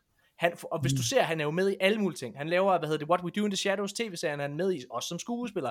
Øh, hvad hedder det, øh, Our Flag Mean, Death, mean Deaths er, er en ny HBO-komedieserie, han, øh, han også spiller med i, og har været med til at skabe. Han lavede sådan en, en, en komedieserie på, øh, man kan se på Disney Plus på FX, tror jeg det er, med sådan nogle, øh, hvad hedder det, Native Americans, og sådan en dark comedy-serie. Øh, og han er jo med i Free Guy, og jeg skal komme efter. Han er med i alt for mange ting. Alt for mange ting er han med i. Mm. Og det betyder, at man ikke kan fokusere. Så derfor så var min forventning også nede. Og når man sidder og ser interviews med ham, så er han så præsentøs. Han er gået i den der fælde, hvor der, han sidder og snakker om, han joker med, hvor rig og hvor succesfuld han er. Det er sådan, øh, det er usmageligt, synes jeg. Jeg hader det. Hold din fucking kæft. Altså, hvor er, det, altså hvor, hvor er du nederen? Altså, den eneste, der kan slippe afsted med at snakke om, hvor mange penge de har på en sjov måde, det er Ricky Gervais. Hold din kæft. Hold din fucking kæft, Taika Waititi. Øhm, men for mig så er der nemlig, der er gået en metaltræthed i Marvel. De er aldrig mm. rigtig kommet op på dupperne efter det mesterlige endgame. Altså det, Mm. at de formåede at samle det, var et mesterværk. Det vil sige. Øh, og jeg synes, der har været den ene middelmodige film. Det er ikke fordi, det er forfærdeligt. At Doctor Strange uh, uh, Multiverse of Madness var en fin film, og de sidste 20 minutter af den film, eller de sidste halve time, var virkelig gode endda, altså hvor man virkelig kunne mærke Sam Raimi. Og, øh, Jeg har næsten lige også- set den. Den er faktisk virkelig god. Den er, den er fin. God, ja. og, og, og det samme med Spider-Man, øh, synes jeg også var en fin film. Jeg synes, den var lidt overvurderet. Det ved jeg godt, der er en masse mennesker, der går efter mig. Men, men ja, ja, det var en rigtig god film, men der er et problem i, at øh, Tom Hollands Spider-Man ikke kan stå på egne ben. Den eneste grund til, at den sidder og varmer så meget i hjertet, er jo fordi, den sidder og slår på alle nostalgitrådene, ikke også? Mm. Altså kommer Green Goblin, som vi husker ham og kender ham, og vi godt Dr. Octopus kommer, som vi husker og kender ham, fra de gode gamle Spider-Man-film. Og spoiler alert, 1, 2, 3, de gamle Spider-Man vender også tilbage. Altså, det er så meget ikke Tom Hollands film. Øh, hvad hedder det? Og, og, Men det var det heller ikke i øh, den første, han lavede jo. Der var det jo Lige præcis. Robert Downey Jr., der kommer og overtog hele showet jo. Mm. Men nu er det så her til det her øh, event. Der er blevet annonceret den ene nye trailer efter den anden. She-Hulk er blevet annonceret, som jeg synes ser dårlig ud. Jeg synes CGI'en skriger i mit face. Vi er der bare ikke endnu. Øh, altså, at vi kan have en CGI-hovedkarakter, hvor det er believable, må jeg bare sige. Øh, jeg synes heller ikke, den nye Black Panther-film ser god ud. Jeg var elsket ellers den første. Øh, Og jeg synes... Jeg synes, at hele den der slate, det bliver simpelthen for bloated. Det bliver alt for stort. Der er alt for mange ting. Og øh, de har været ude og annoncere, øh, hvad hele fase 5 øh, hvad hedder det, skal indeholde. Og også den første film i fase 6, som kommer i 2024. Det er Fantastic Four rebootet, hvor det endelig kommer over til Marvel. Glæder jeg mig til. Tredje Og gang så er lykkens fortalt, gang. hvad, hvad siger du? Tredje gang er lykkens gang. tredje gang er lykkens gang. Øh, hvad hedder det? Og så har de fortalt, hvad, øh, hvad hedder det, fase 6 slutter med. Og det er to Avengers-film. Øh, The Kang Dynasty, Avengers The Kang Dynasty, som kommer i 2025. Og så mm. i 2025 kommer også Avengers Secret Wars. Og jeg siger alt That's more like it, Morten. Er det ikke det, vi, er det, ikke det, vi har ventet på, hva'? Det er det måske, fordi nu kommer jeg til det. Secret Wars er jo, hvis man har læst tegneserier, ligesom jeg har, jeg er en nerd, hvad hedder det, så, øh, så er der jo to Secret Wars øh, storylines. Der er helt tilbage fra 70'erne, hvor, øh, hvor der er den storyline, hvor øh, Spider-Man han får hans sorte dragt, den dragt, der bliver til Venom. Det er fra den storyline, han får det. Der er også en anden storyline, som kom her tilbage i 2010 eller et eller andet. Det er i hvert fald sådan for i, i recent memory, hvor, øh, hvor det er, at tegneserierne er blevet for bloated. Der er for mange karakterer. Der er for mange universer. Så det de gør i 2010 storyline, og det er det jeg håber de gør i filmene, det er så det er den her måde de kan vinde mig, vinde mig tilbage. Det de gør i tegneserien, det er at Galactus kommer, og han æder planeter, hvis man ikke ved det. Han æder planeter, og der er intet de kan gøre for at stoppe Galactus. Han kommer og æder jorden. Det er sådan der. Det de kan gøre, det er, at de kan tage og ofre et alternativt univers, så de æder jorden i en anden tidslinje. Altså, øh, Mhm. og okay. det vil de karakterer, de superhelte, der er i den anden tidslinje, det vil de selvfølgelig ikke have. Så alle de her superhelte fra hver deres tidslinje, de kæmper ligesom om overlevelse, og der er jo nogen, der dør. Det var fedt. Og det er måden, hvorpå man kan lave et nyt status quo. Fordi det ender så med, at alting det er ligesom på den ene eller anden måde fusionerer, og man får et helt nyt øh, nulpunkt, eller hvad man skal sige. Og det er en måde, Det man kan få for eksempel Tony Meget Stark ambitiøst. Det lyder meget mere ambitiøst end Endgame. Det lyder altså 60 gange så ambitiøst Ja. som Endgame. Ja, og det er også derfor, det gør mig ked af at høre, at uh, Russo-brødrene ikke kommer til at instruere det, fordi det kæft, det kræver en instruktør, hvis det er det, de gør. Men det, det, det, kunne, det kunne få mig tilbage. Det kunne være en måde, man ligesom kunne starte forfra. Og det er det, jeg har brug for lige nu. Jeg har brug for, at vi stopper det her, og jeg har brug for, at der er en eller anden, der, der siger til Disney, vi må stoppe alle de serier. Fordi det er lort. Nå. Det var det. Lad os holde en kort pause og gå i gang med at snakke om en masse nyheder. Jeg går ikke ud for, at jeg har noget at sige til det. Det var bare lidt real rant. Nej, det er fint. Nej, det er godt. Fedt. Vi er tilbage lige efter det her, så skal vi snakke om The Last of Us part 1. Øh, ja, og en masse andre lidt ærgerlige nyheder fra PlayStation desværre. Det er en hård uge for dem.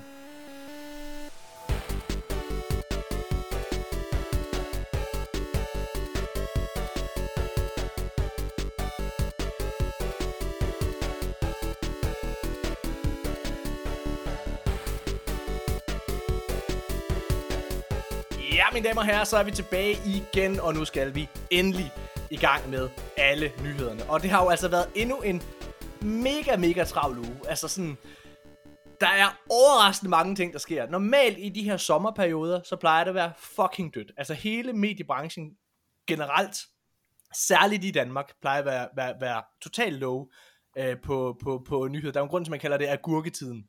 Øh, og sådan plejer det altså også at være i, i spilbranchen, men i år, der har der virkelig, altså alle uger har været ret altså, sådan hæftige. Altså der har været ret mange ting. Mm. Øh, men det er selvfølgelig ikke altid med den positive vinkel, og det er det heller ikke i den her uge, fordi vi starter med The Last of Us Part 1. Øhm, torsdag i sidste uge, der er der noget gameplay, der ligger fra det her øh, spil. Og øh, det sætter med det samme, øh, altså hele industrien, øh, altså på, på, på forbrugersiden, eller hvad man kan sige, ikke også, øh, sætter øh, altså mange, mange spillere, i, øh, der sinds bliver sat i k. Fordi der har været en opfattelse af, at PlayStation og Naughty Dog har været ude at love øh, The Last of Us Part 2 gameplay, og jeg skal komme efter dig, og det her øh, nye gameplay, der ligger, flot er det, øh, men indeholder bestemt ikke ny gameplay. Øhm, ja, så det, det, det havde, der var en masse, masse try, øh, og råb og skrig og så videre der. Og historien udvikler sig.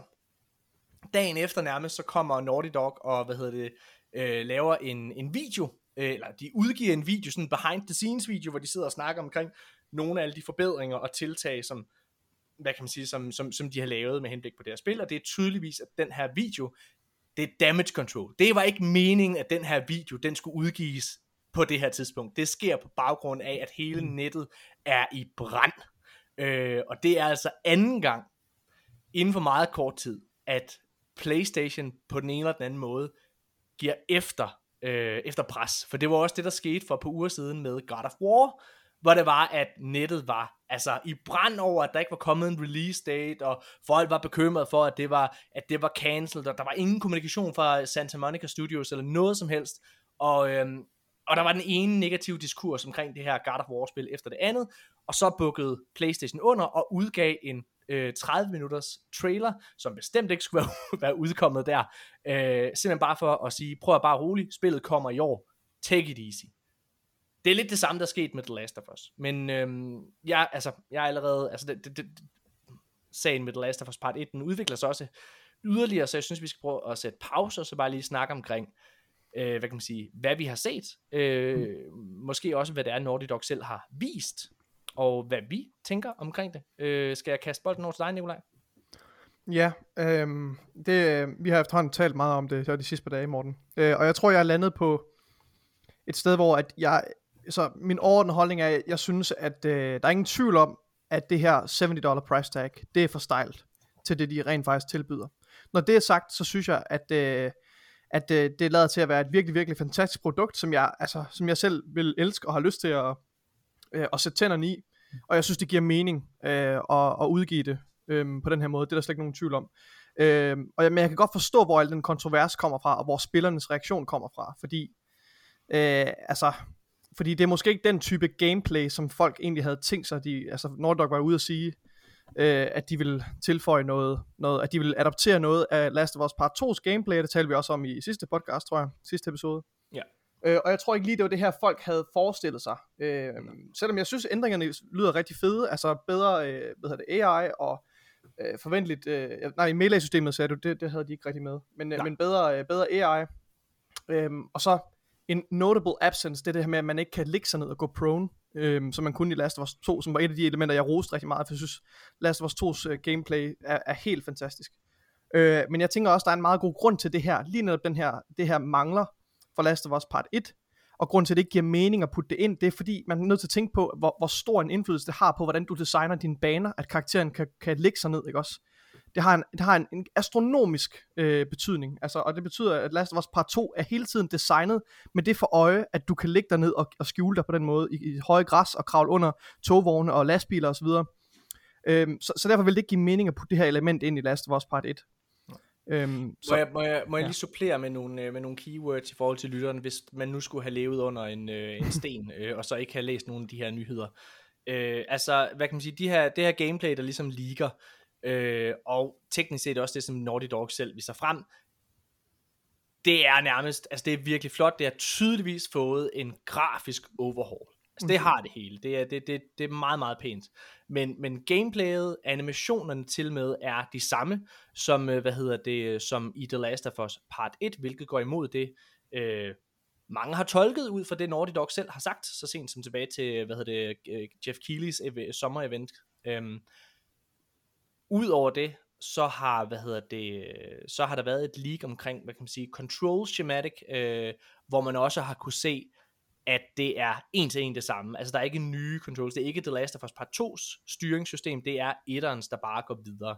Så man føler, der har været en eller anden form for, ja altså, at man er blevet løjet for, øh, lack of better terms.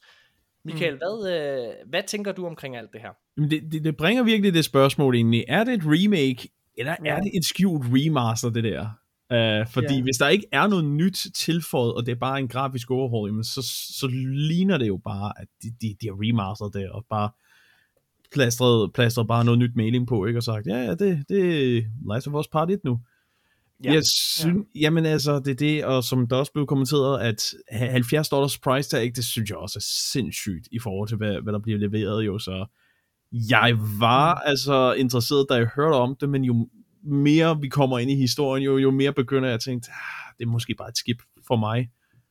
Det er så ærgerligt, vil jeg bare lige sige. Hvis jeg skal komme det er over mega ærgerligt. Egen, hvis jeg skal komme over til min egen holdning omkring det her, fordi Prøv at høre, jeg har jo snakket om øh, i podcasten her i tidligere episoder, der har jeg talt om, at jeg har været bekymret, fordi Naughty Dog var ude at sige, at de ville implementere The Last of Us Part 2 elementer ind mm. i, øh, hvad hedder det, i, i den her part 1. Og jeg var bekymret for, fordi de snakkede om, at vi har rebuilt it from the ground up. Altså det lyder som om, som om når de siger det, og det er jo det hele nettet har tænkt det her, så lyder det som om, at de har retænkt banerne, at de har retænkt, yeah. hvordan det hele mm. fungerer og så videre, og implementeret mm. part, yeah. uh, part 2's, uh, hvad hedder det, uh, gameplay elementer til det, for at give det en større oplevelse. Og det har jeg været mm. bekymret for, fordi det vil jo tage noget væk fra den spilleroplevelse der, og jeg synes jo, at The Last of Us er, sammen med toeren, de to bedste spil, der nogensinde er produceret. Altså, jeg elsker de to spil så meget. Så jeg er jo glad, altså personligt, så er det bo, øh, hvad hedder det ikke Bungie, men det som øh, Naughty Dog tilbyder her, er præcis det, jeg gerne ville. Hmm. Altså alt det her, det er præcis det, jeg gerne vil. Jeg har ikke lyst til, at de går ind og ændrer på styringen jeg, og opgraderer det. Jeg vil gerne have, at det er det samme spil, som jeg spillede for den gang, men hvor det ser ud på den måde, som jeg husker det. Og jeg husker det jo som om, at det her det var det flotteste, jeg nogensinde havde set. Og det, når jeg sidder og ser det her, så har jeg den samme oplevelse, vil jeg sige. Øhm, men jeg kan virkelig godt forstå, hvorfor folk er sure. Fordi det her, det, det her går tilbage til hele Playstations problem. Det er kommunikation. Det kan Playstation ikke. Vi har snakket om det her før, Nikolaj og jeg, mange gange. En, grunden til, at vi i sin tid droppede øh, PlayStation 5, vi var jo på PlayStation 4, droppede play, øh, PlayStation 5 og hoppede over på Xbox, det var fordi PlayStations kommunikation omkring, hvad PlayStation 5 skulle, og hvad deres ambition for den platform var, den gik i øst og vest, og de gik tilbage på ordet, øh, på, på deres egne løfter og så videre, hele tiden. Og det har været et, altså en, en, en gennemgående ting, siden konsollen er launchet. Der har været så mange kontroverser fra Playstation side. Nu har jeg bare lige nævnt det her med God of War for et par uger siden. Der har været så mange de sidste par år her, eller undskyld, de sidste halvandet år siden, at, øh, at konsollen udkom. Det er et problem, og det er et super dårlig ledelse. PlayStation laver nogle af de bedste spil. Punktum. Så det kan du simpelthen ikke komme udenom. Men de famler lige nu. Og det er synd, fordi de er ved at ødelægge nu. Altså, det er jo mm. Naughty Dogs ry, der også lidt er på spil her. Og jeg er med på, det altså, mm. betyder nok ikke så meget for dem, fordi de er under Playstations øh, paraply.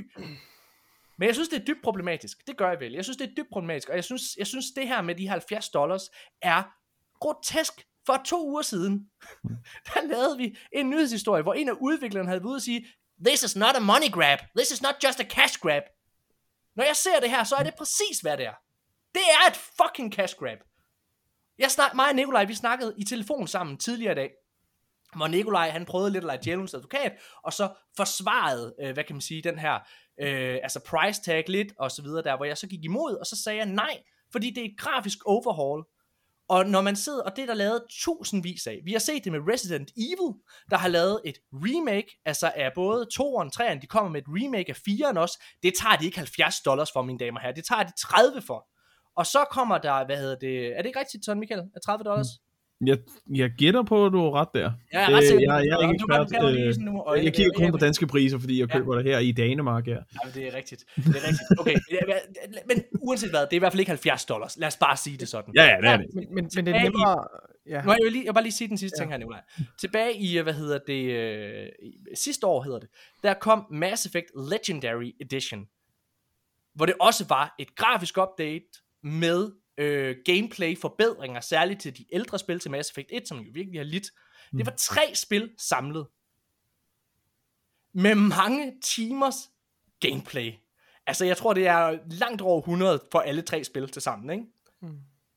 Det kostede ikke 70 dollars. Det faktisk var det på Game Pass også, altså hvad hedder det, altså hvor man kan, hvor man kan spille det, ikke? og hente det. Altså det nægter PlayStation jo også at gøre at putte det her på, øh, på, på PlayStation Plus. Jeg synes det er dybt problematisk. Jeg synes det er dybt problematisk, fordi det her, det, selv med DLC, så sidder vi og snakker omkring maks 20 timer for det her. Det originale The Last of Us, det tager omkring, jeg tror det er 12-14 timer, det tager at gennemføre. Og DLC'en tror jeg er 4. Så lad os runde op og så sige 20. Det synes jeg er dybt problematisk. Jeg synes, at det er PlayStation, der er begyndt at se sig selv som det her luksusprodukt. Men Og hvis vi, ser, altså, hvis, vi ser, hvis vi ser bort fra jo, at det kun tager de der 20 timer, det er der så mange af Playstation-spil, jeg gætter på, det også tager omkring 20 timer at gennemføre det nye God of War, når det udkommer, det var også 70. Men det er jo netop der nøgleordet, det er et nyt spil. Mm. Når alt kommer til alt, så er The Last of Us stadig et 9 år gammelt spil. Som Det er et 9 år gammelt spil, og- og det 70 her- for. Og Michael, det her det er det tredje, det tredje gang, de udgiver den her. Der var også en Mhm. mm. grafisk update til remastereringen, der kom to år efter til PlayStation 4. Mm. Mhm. Men der var der altså en multiplayer komponent med. Der var, ne- altså, der var meget mere inkluderet. Der var DLC'en også inkluderet. Left Behind. Så der havde du mere, og det tager de... Jeg tror, de to... Lige nu der tager det, koster det i hvert fald 20 dollars. Det var ikke fuld pris for det, kan jeg huske. Så jeg synes, det er, jeg synes, det er vildt. Nikolaj, vil du, øh, vil du ikke øh, Ja, ind? altså jeg, jeg, jeg vil bare sige, jeg tror, jeg har nemmere ved at acceptere, at man kan tage fuld pris i gåsøjne, om det så er 70 eller 60 dollars eller whatever, for et spil, som er et decideret remake. Og jeg ved godt, det, det har ikke en klar definition, men lad os bare sige mm. som sammenligning, øh, hvad hedder det, Call of Duty øh, Modern Warfare, der udkom i 19 for eksempel. Det ser jeg som et remake, fordi det tager inspiration fra et tidligere spil, der har været, mm. men det er en helt ny, det er en reimagination af alle elementer, ikke også? Det er en ny kampagne, og det er en ny motor, whatever, det helt lortet, ikke også? Øh, Yes. Og på samme måde ser jeg det med Dead Space, øh, synes jeg også. Og, og med de briller på, så er, hvad hedder det, så er sådan noget som uh, Legendary Edition, Mass Effect Legendary Edition, nok ikke et remake, det er mere et remaster i mine øjne, tror jeg faktisk. Der har jeg lidt skiftet holdning, Morten, nu her, når vi lige, han har lige tænkt over det. Og der synes jeg også, at, og det var du også inde på, Michael, det her med, hvor, hvor ligger uh, Last of Us Part 1 henne på det spektrum? Mm. Og det, jeg synes helt, der er ikke nogen tvivl om, det ligger meget tættere på en remaster end en remake. Så jeg synes ikke, jeg synes ikke helt sikkert, det er derfor, det er derfor, det er, min, det er mit resonemang omkring, hvorfor, der ikke, hvorfor det ikke er justified at tage 70 dollars for, for det produkt. Jeg synes, og det, og det er jo Men, det, det handler om. Det og, og jeg synes, det er fantastisk. Jeg hørte, øh, hvad hedder det, IGN's uh, Destiny Gary, han, han sagde, det han synes, der var fedt ved, ved den her kontrovers, det var, at Playstations hardcore fanbase var begyndt at vågne op og sige nej til de her 70 dollars. Hmm. Den her price tag. Altså, det er ikke okay, at man bare siger, jamen alle Playstation-spil koster 70 dollars. Punktum. Det er sådan, det er. Det kan man ikke. Det kan man simpelthen ikke. Jeg, eller de, de kan jo gøre, hvad fuck de vil, men, men de kommer til at miste så meget uh, indtjening, fordi det, det er de færreste, der gider at bruge det. Altså særligt folk, der har spillet spillet på forhånd. Hvad er det rent faktisk, de får, der er nyt? Ikke rigtig noget, kan vi jo så høre. Altså, der er lidt bedre AI, så det vil sige, du, du, du kommer til at spille det, som du oplevede det dengang. Det er det. Og det er også det, man forventer, når der kommer en remasterering. Det er i hvert fald det, jeg forventer. Jeg synes, at det, der er problematisk ved PlayStation lige nu, og det er jo, at det er, at det er som om Jim Ryan, øh, som jo er chef derovre på, på, på PlayStation, det er som om, han har fået det her job. Og han har overhovedet ikke kigget i historiebøgerne. Fordi der har været en gang tidligere, hvor PlayStation var lige ved at snuble katastrofalt, og det var med PlayStation 3. Med PlayStation 3, der gik de ud, og så tog de, altså de, de havde haft kæmpe succes med PlayStation 2, og øh, de var begyndt at se sig selv som et luksusprodukt. Så de går ud og annoncerer den her PlayStation 3, som er den her kæmpe store maskine, ligesom PlayStation 5 er. Hvad hedder det? Mm. Den her kæmpe store monstrum. Og så tog de 6.000 kroner for den. Hvad hedder det? Danske kroner. Øh, hvor det var, at Xbox 360 kun kostede to eller tre. Det var i hvert fald halv pris eller sådan noget i den stil. Og det tabte de jo super meget terræn på. Og de var nødt til at gentænke, retænke hele deres strategi midtvejs, og lavede de en, noget den konsol, der hed PS3 Slim, som var med til at redde dem, sammen med at de lavede nogle mesterlige spil, Uncharted-spillene, som virkelig altså, gav dem et godt ry, og The Last of Us, som de sluttede den konsolgeneration med, og sjovt nok, den her online subscription model, der hed PlayStation Plus, hvor det var, at de gav spil væk. Det var det. Det rygte, den, det ry, og jeg har altså lyttet til gaming podcast, altså siden jeg var fucking 12, så jeg kan huske det her. Det var noget af det, der gjorde, at jeg i sin tid anskaffede en PlayStation 3. Det var faktisk PlayStation Plus, den her online subscription. Og det er bare sjovt at se, at de overhovedet ikke har flyttet sig, PlayStation. De har slet ikke lært lektion. Og det er også sjovt det her med, at de var så meget imod, for eksempel Game Pass, som er en online subscription. Altså, Xbox er, er, er, gør alt det, som de burde have gjort, PlayStation, i min optik. Hmm. Nå, ja, undskyld, det er et lille rant. Det er fair. jeg synes, øh, jeg synes oprigtigt talt, jeg forstår virkelig godt, øh, hvorfor folk er sure. Ja. Det gør jeg. Jeg synes, det er ærgerligt, fordi jeg synes, at det her spil ser godt ud. Jeg synes, du kommer med nogle virkelig gode pointer, Morten. Jeg sad, lige, jeg sad lidt til mig selv i, at jeg, jeg, jeg springer ikke rigtig ind og, og, sådan, og giver dig ret og sådan meget entusiastisk, fordi vi, vi to har haft den her samtale. Ja. Øh, den, har vi, altså, den har vi flere gange om dagen, når vi spiller Destiny og så videre. Så, men men jeg, altså, jeg, jeg er fuldstændig enig i de ting, du siger, Morten. Jeg synes, øh, ja. Alt imens, ja. så hopper Nintendo-fansen ind bare, first time? Jamen det er det, altså kan, kan Playstation og Sony, kan de, kan de simpelthen bare ride out the storm, og så, øh, og så, så længe de ikke ser den her backlash på bundlinjen, og så længe det måske bare, altså jeg ved godt, selvfølgelig, hvis du skader dit image nok, så, så vil det selvfølgelig øh, komme til udtryk på bundlinjen, men, men tror jeg, de bare regner med, at de kan ride out the storm, og så at det måske er en ja. vocal minority, der virkelig er dem, der, der sætter præget på, på internetsiderne? Ja, jeg tror, jeg tror desværre, øh, og det er, det, er, det, er, det er en tolkning af alle de interviews, jeg har læst med Jim Ryan. Mm. Men min fornemmelse med ham er virkelig, at han ikke forstår den industri, han er en del af. Jeg tror, han er en pengemand. Det er min klare fornemmelse, når jeg hører på ham. Altså, han, og det er jo indtil videre, det tager jo noget tid, før at, ligesom når vi sidder og sanktionerer, øh, sanktionerer Rusland, der går lige nogle måneder, der er lige sådan en forsinket effekt af, at man rent faktisk mærker konsekvensen af det. Og det er lidt det samme. Der går måske et år øh, eller to, inden at den her negative diskurs, som har hervet PlayStation de sidste halvandet år, i større og mindre grad selvfølgelig, der har også været succeshistorier ved, mm. ved PlayStation. Det er fedt, de har købt Bungie for eksempel. Hvad hedder det? Men, men overordnet set har der været en masse dårlige, øh, dårlige historier og omtale omkring dem. Og der går noget tid, inden det rammer dem. Mm. Og, ja, derfor... og måske er det i virkeligheden allerede begyndt at ske lidt, Morten. Fordi jeg har, jeg har nogle venner, som jeg ses med, øh, give or take, 4-5 gange om året, ikke også? Yes. Og de er sådan meget casual Playstation gamere. Og de er, altså, de, de spiller på Playstation, fordi de har altid ejet en Playstation konsol. Du yep. ved, og de bruger ikke så meget tid på at læse uh, spilnyheder eller lytte til gaming podcast. Og jeg er ikke nok sammen med dem til, at jeg kan nå at præge deres holdning omkring det her. Og de er selv, det dukker selv op, øh, da, da jeg talte med dem for nylig også, hvor, hvor de ærger sig over det her med de dyre priser på, på ja. Playstation og Xbox. Og jeg ved godt, det har taget dem noget tid at fange det, men det, når man ikke er inde i loopet, ikke også? Men jeg tror, som du siger, det er en forsinket effekt, og jeg tror, øhm, jeg tror det ja. kunne være en, det ved jeg, meget anekdotisk, men det er, mm. jeg tror, det er en, en indikator for, at, tingene kunne, kunne gå i den retning i hvert fald. Hvis jeg skal lege med på den anekdotiske, hvad hedder det, beretning, så, øh, så kan jeg fortælle, at min, øh, min, min, min kærestes, eller ikke min kæreste, undskyld, min lille søsters kæreste, min svoger må det jo så være egentlig, hvad hedder det, han, øh, han altså lytter slet ikke til den her podcast, og hvad hedder det, og gider slet ikke lytte på mig. Hvad hedder det? det synes jeg er en klovn, tror jeg. Hvad hedder det? Men, men han, han, hans, vi var til et familiearrangement, og der hørte jeg ham snakke med en anden om, har I hørt om Game Pass egentlig? Er det rigtigt, at man bare får tingene gratis derovre? Fordi jeg overvejer så lidt at skifte. Hører jeg ham sige, uden jeg er der? Mm-hmm. Og det er alligevel, igen, det er bare for at bakke op om, jeg tror også, det er noget, der når ud.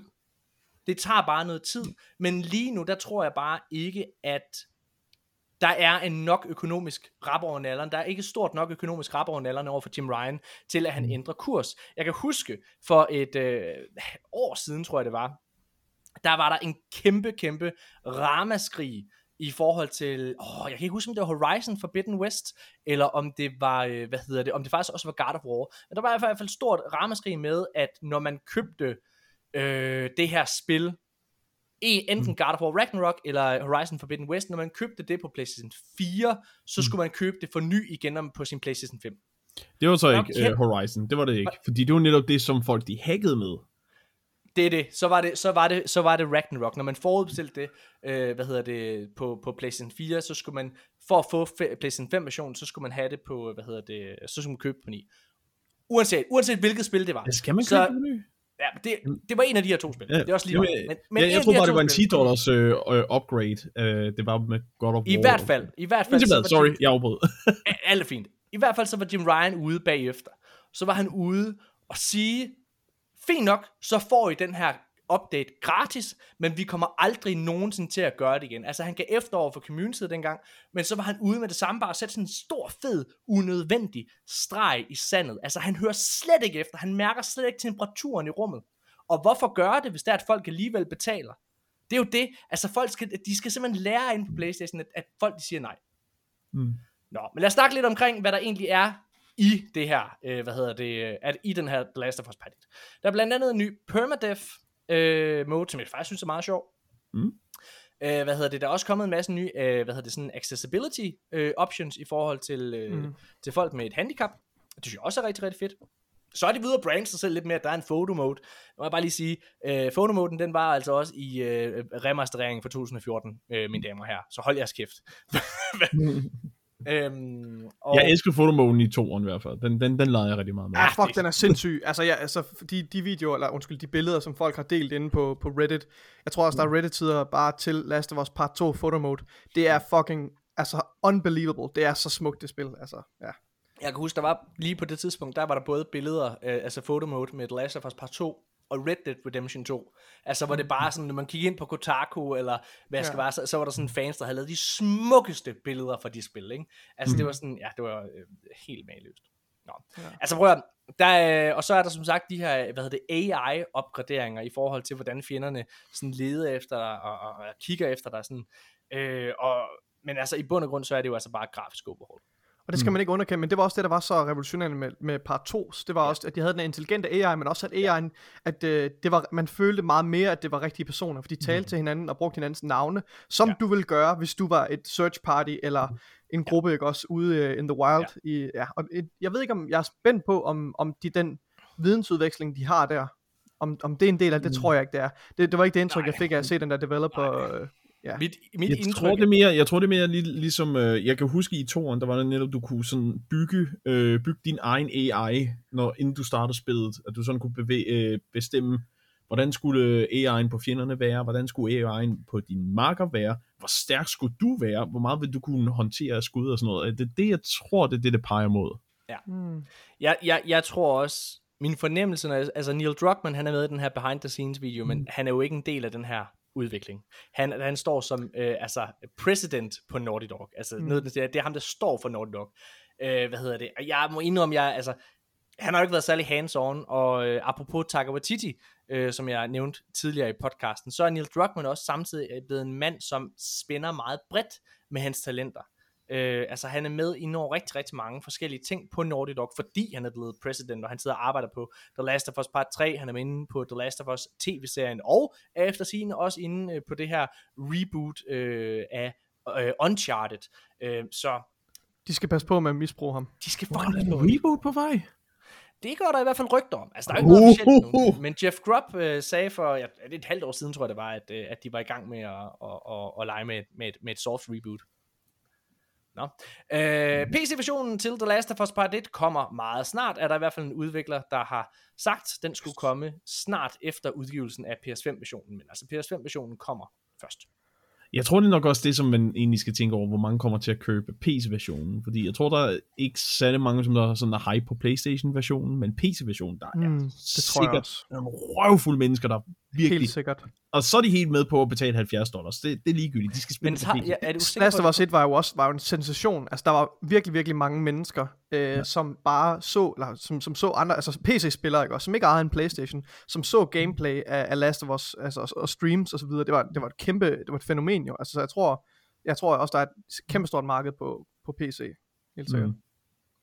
Ja, lad os, øh, lad os gå videre. Øh, der er sådan en masse lidt ærgerlige nyheder omkring Playstation den her uge. Det, det, er altså ikke, det er altså ikke bevidst, at vi går efter det. det ja.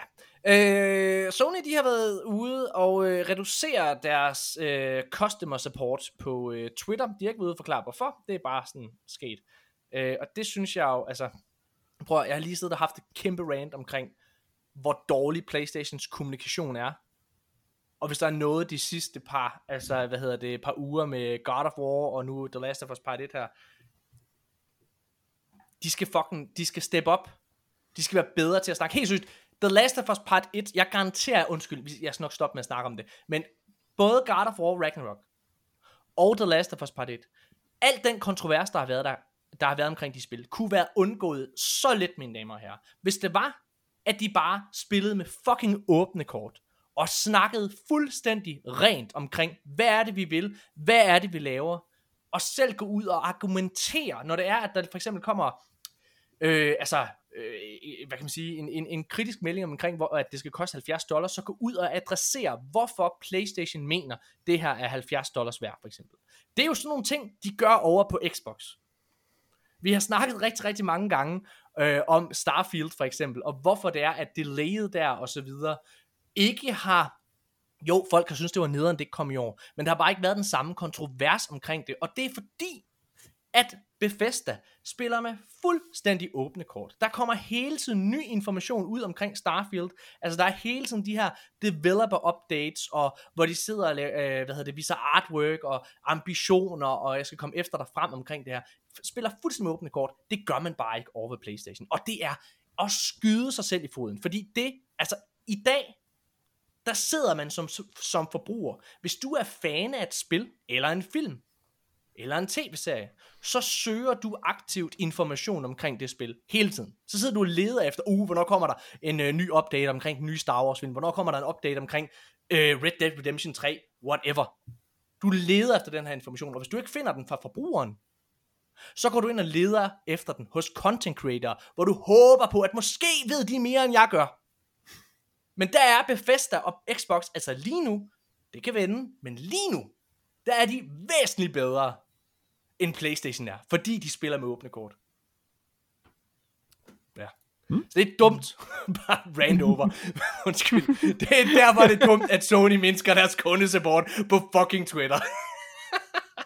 Men det er det, men det er jo så derfor, vi heller ikke har noget svar jo. Der er jo ikke nogen til at bes- besvare lortet. Nej. Åh oh, ja, okay. Vi er igennem. Øh, tredje sidste nederen nyhed for Playstation. Øh, Det sidste ned. Okay, så det jeg her, elsker, det er jeg elsker, jeg teknisk- elsker den sætning. Tek- teknisk set er det her ikke en negativ øh, udmelding. Men okay, det er lige kommet frem, at Sony har været ude og tegne patent på en browserbaseret cloud-oplevelse. Øh, og det vil sige, at du simpelthen kan game øh, via øh, en cloud. Øh, altså, øh, altså spille PlayStation Plus cloud igennem en browser. Det vil sige, at du kan køre det igennem for eksempel øh, Firefox eller Google Chrome, eller hvad jeg skal komme efter dig. Øh, det er for eksempel rigtig, rigtig smart, hvis man gerne vil have det øh, PlayStation Plus til at køre på et Android-device, hvor det er, at de har meget lukket. Morten, hvorfor er det en dårlig nyhed? Det lyder da mega fedt. Det er ikke som sådan en dårlig Du nyhed. mener Det er ikke godt, at Android, du mener iOS. jeg mener iOS, lige præcis. Yes. Tusind tak, Nikolaj.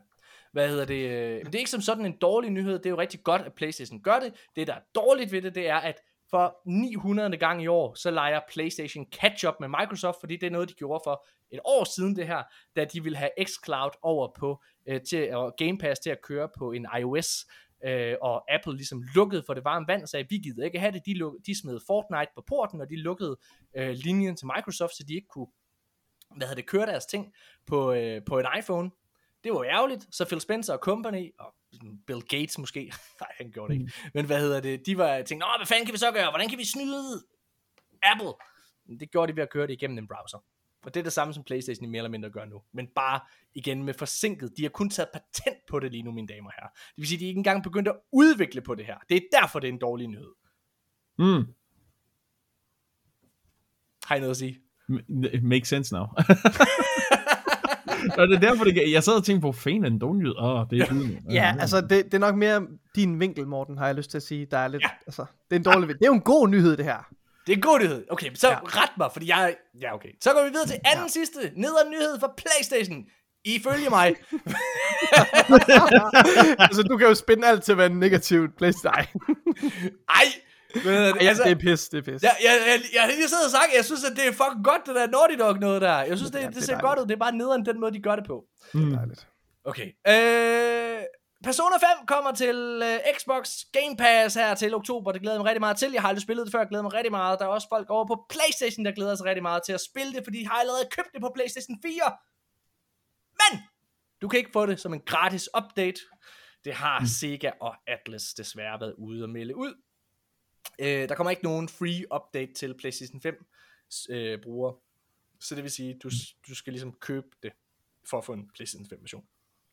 Jeg, jeg kan både forstå det, og jeg kan samtidig også godt virkelig mærke, hvor, hvor ærgerligt det er jo. Øh, fordi jeg har jo et andet Sega-spil, øh, Yakuza Like a Dragon, som ja. også fik en gratis øh, PlayStation 5 upgrade. Øh, men jeg kan også godt se det på grund af, hvad der skete med, øh, som før nævnt, Horizon øh, Forbidden West, hvor folk de købte den billigere version til PlayStation 4, for så lige at spare 150 kroner, Ja. for bare at opgradere det gratis på PS5. Så jeg kan godt se, hvorfor at de så også tænker, hey, lad, lad dem købe det igen, men de kunne lige så godt bare lavet den der 10 dollars upgrade, som, som mange andre har gjort. nu siger jeg noget kontroversielt, ikke? Og det har ikke noget med Xbox at gøre, det her det er Mhm. alle. Alle inden for øh, øh, industribranchen. Jeg forstår godt, at det er nemme penge at få. Mm. Men det burde være en lov, at når jeg har købt et spil, Mm-hmm. og jeg har købt en nyere konsol, der har kræfter til at køre det på en bedre måde, Mm. så skal det være en free update. Hvis jeg sidder og har en PC, og jeg har købt Battlefield 4, hvad hedder det ikke også, mm. og så køber jeg en ny PC, der er endnu stærkere, så er det jo ikke, der er jo ikke noget spørgsmål på PC om, hvorvidt du kan køre Battlefield 4, som du havde før, i en bedre version. Selvfølgelig kan du det. Det burde være præcis det samme koncept på alle konsoller, med alle spil. Jeg synes, det er nederen, når jeg hører for eksempel, at jeg skal betale. Det skal man ikke over på, på Playstation, lige præcis med GTA 5. Jeg synes, det er nederen, når jeg for eksempel skal betale for en next gen upgrade for, play, for GTA 5, som jeg har købt to gange Men før. Morten, Jeg er enig tjener på den. flere penge. Jamen, jeg siger, jeg forstår godt, de gør det. Jeg synes, det er fucking usmageligt. Og det er alle. Det er alle. Knip jer selv. I har penge nok. Hvad er det? Altså, det, prøv at, er- der er så meget fucking goodwill, man får ud af den slags ting. En af de gode, øh, hvad hedder det, en af de mange gode, øh, hvad hedder det, emner, eller hvad man skal kalde det, der, der florerede omkring Xbox i starten, det var da de havde det her smart delivery. Og det havde Playstation ikke på deres spil. Så det vil sige, når du havde købt et spil til Playstation 4, så skulle du betale for at spille igen på, på PlayStation 5. Miles Morales for eksempel, ikke? Mm. Øh, hvad hedder det?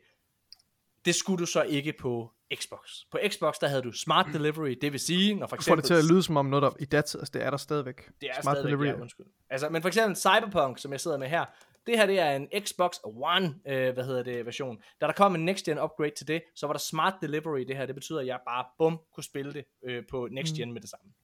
Ja. Det, det talte vi meget om, kan jeg huske, i sin tid, da, da PlayStation 5 begyndte at udkomme. Det var, at det var et problem, som slet ikke eksisterede på Xbox. På grund af smart delivery, det var, når folk, de, altså folk kom til at købe den forkerte udgave på PlayStation, og de ja. skulle til at, mm. at, at, at give en, en premium for at spille øh, spillet på en anden udgave. Altså, mm. ja. Og det- ja, det, det problem har aldrig rigtig været på, på Xbox, med, siden uh, Series-konsollerne kom. Nå. Ja, Så der, men der er det bogstaveligt talt underordnet, hvilket, altså hvilken udgave øh, af spillet du køber. Men Øh, øh, jeg tror en bare, at folk ikke skal frygte det, det, det vilde lige nu jo, fordi uh, nu, nu har jeg jo for eksempel Persona 5 Royal til PlayStation 4, og, og hvad jeg kan se, så ligner det ikke, der er den store forskel mellem PlayStation 4 og PlayStation 5 versionen, så hvis man sidder virkelig og tænker, ej, jeg skal, skal jeg bekøbe den til PS5 alligevel? nej, lad være. Men, men det er jo bare nederen, at det ikke er en selvfølge. Altså, det er jo... Det er jo, det er jo det er fucking nederen. Altså, jeg kan huske, jeg lyttede, jeg lyttede til podcasten, hvad hedder det, Sacred Symbols i sin tid, øh, hvor, øh, hvor øh, Chris Ragon, han sad og spillede, øh, hvad hedder det, Spider-Man, mm. Miles Morales. Mm. Og han er halvvejs igennem spillet, da det går op for ham, at han sidder og spiller PlayStation 4-versionen. Bare det her med, at, der, altså, at du skal gå ind og vælge specifikt, okay, hvilken version af det her spil er det, jeg køber. Det er fucking dumt, at det ikke giver sig selv, at når du køber det fra en fucking PlayStation 5, så spiller du det på PlayStation 5. Ej, prøv. Ja. Men var der, Sidst- ikke, var, der, var der ikke free upgrade øh, på det spil? Nej. Nå? Nej. Shit. Nå. Jeg synes, at, jeg synes, jeg kunne vælge mellem de to, men det er nok, fordi jeg købte PlayStation 5, så ser den automatisk 4 ved siden af. I don't know. ja, det tror jeg. Det tror jeg. Der er ikke, der er ikke free update. Oh shit. Til gengæld, så er, øh, hvad hedder det, når, når Persona 5 Royal kommer, øh, så er det kun på PlayStation 5 øh, og Nintendo Switch til synlædende, at der kommer fysiske versioner øh, af spillet, fordi at den er rent digitalt på Xbox, hvor den kommer day one på Game Pass. Mm. Øh, sidste nederen nyhed for PlayStation. Og det her det er, mere, det er mere nostalgien faktisk, der er nederen her. Okay, så dengang PlayStation 4 udkom, øh, der var der ikke særlig mange spil at spille. Men der var et spil, og det hed Killzone Shadowfall. Et middelmodigt spil, som havde en overraskende god multiplayer. Og Ej, den her... Mul- lige. Hvad? Hvorfor er det en negativ nyhed? Der er sgu da ingen mennesker, der spiller Killzone Shadowfall. Så Killzone Shadowfall, multiplayeren hertil, det lukker simpelthen ned. Og ikke nok med det, så lukker øh, Killzone Mercenaries et fantastisk spil på PlayStation Vita. Multiplayeren der lukker også ned, og det gør det allerede den 12.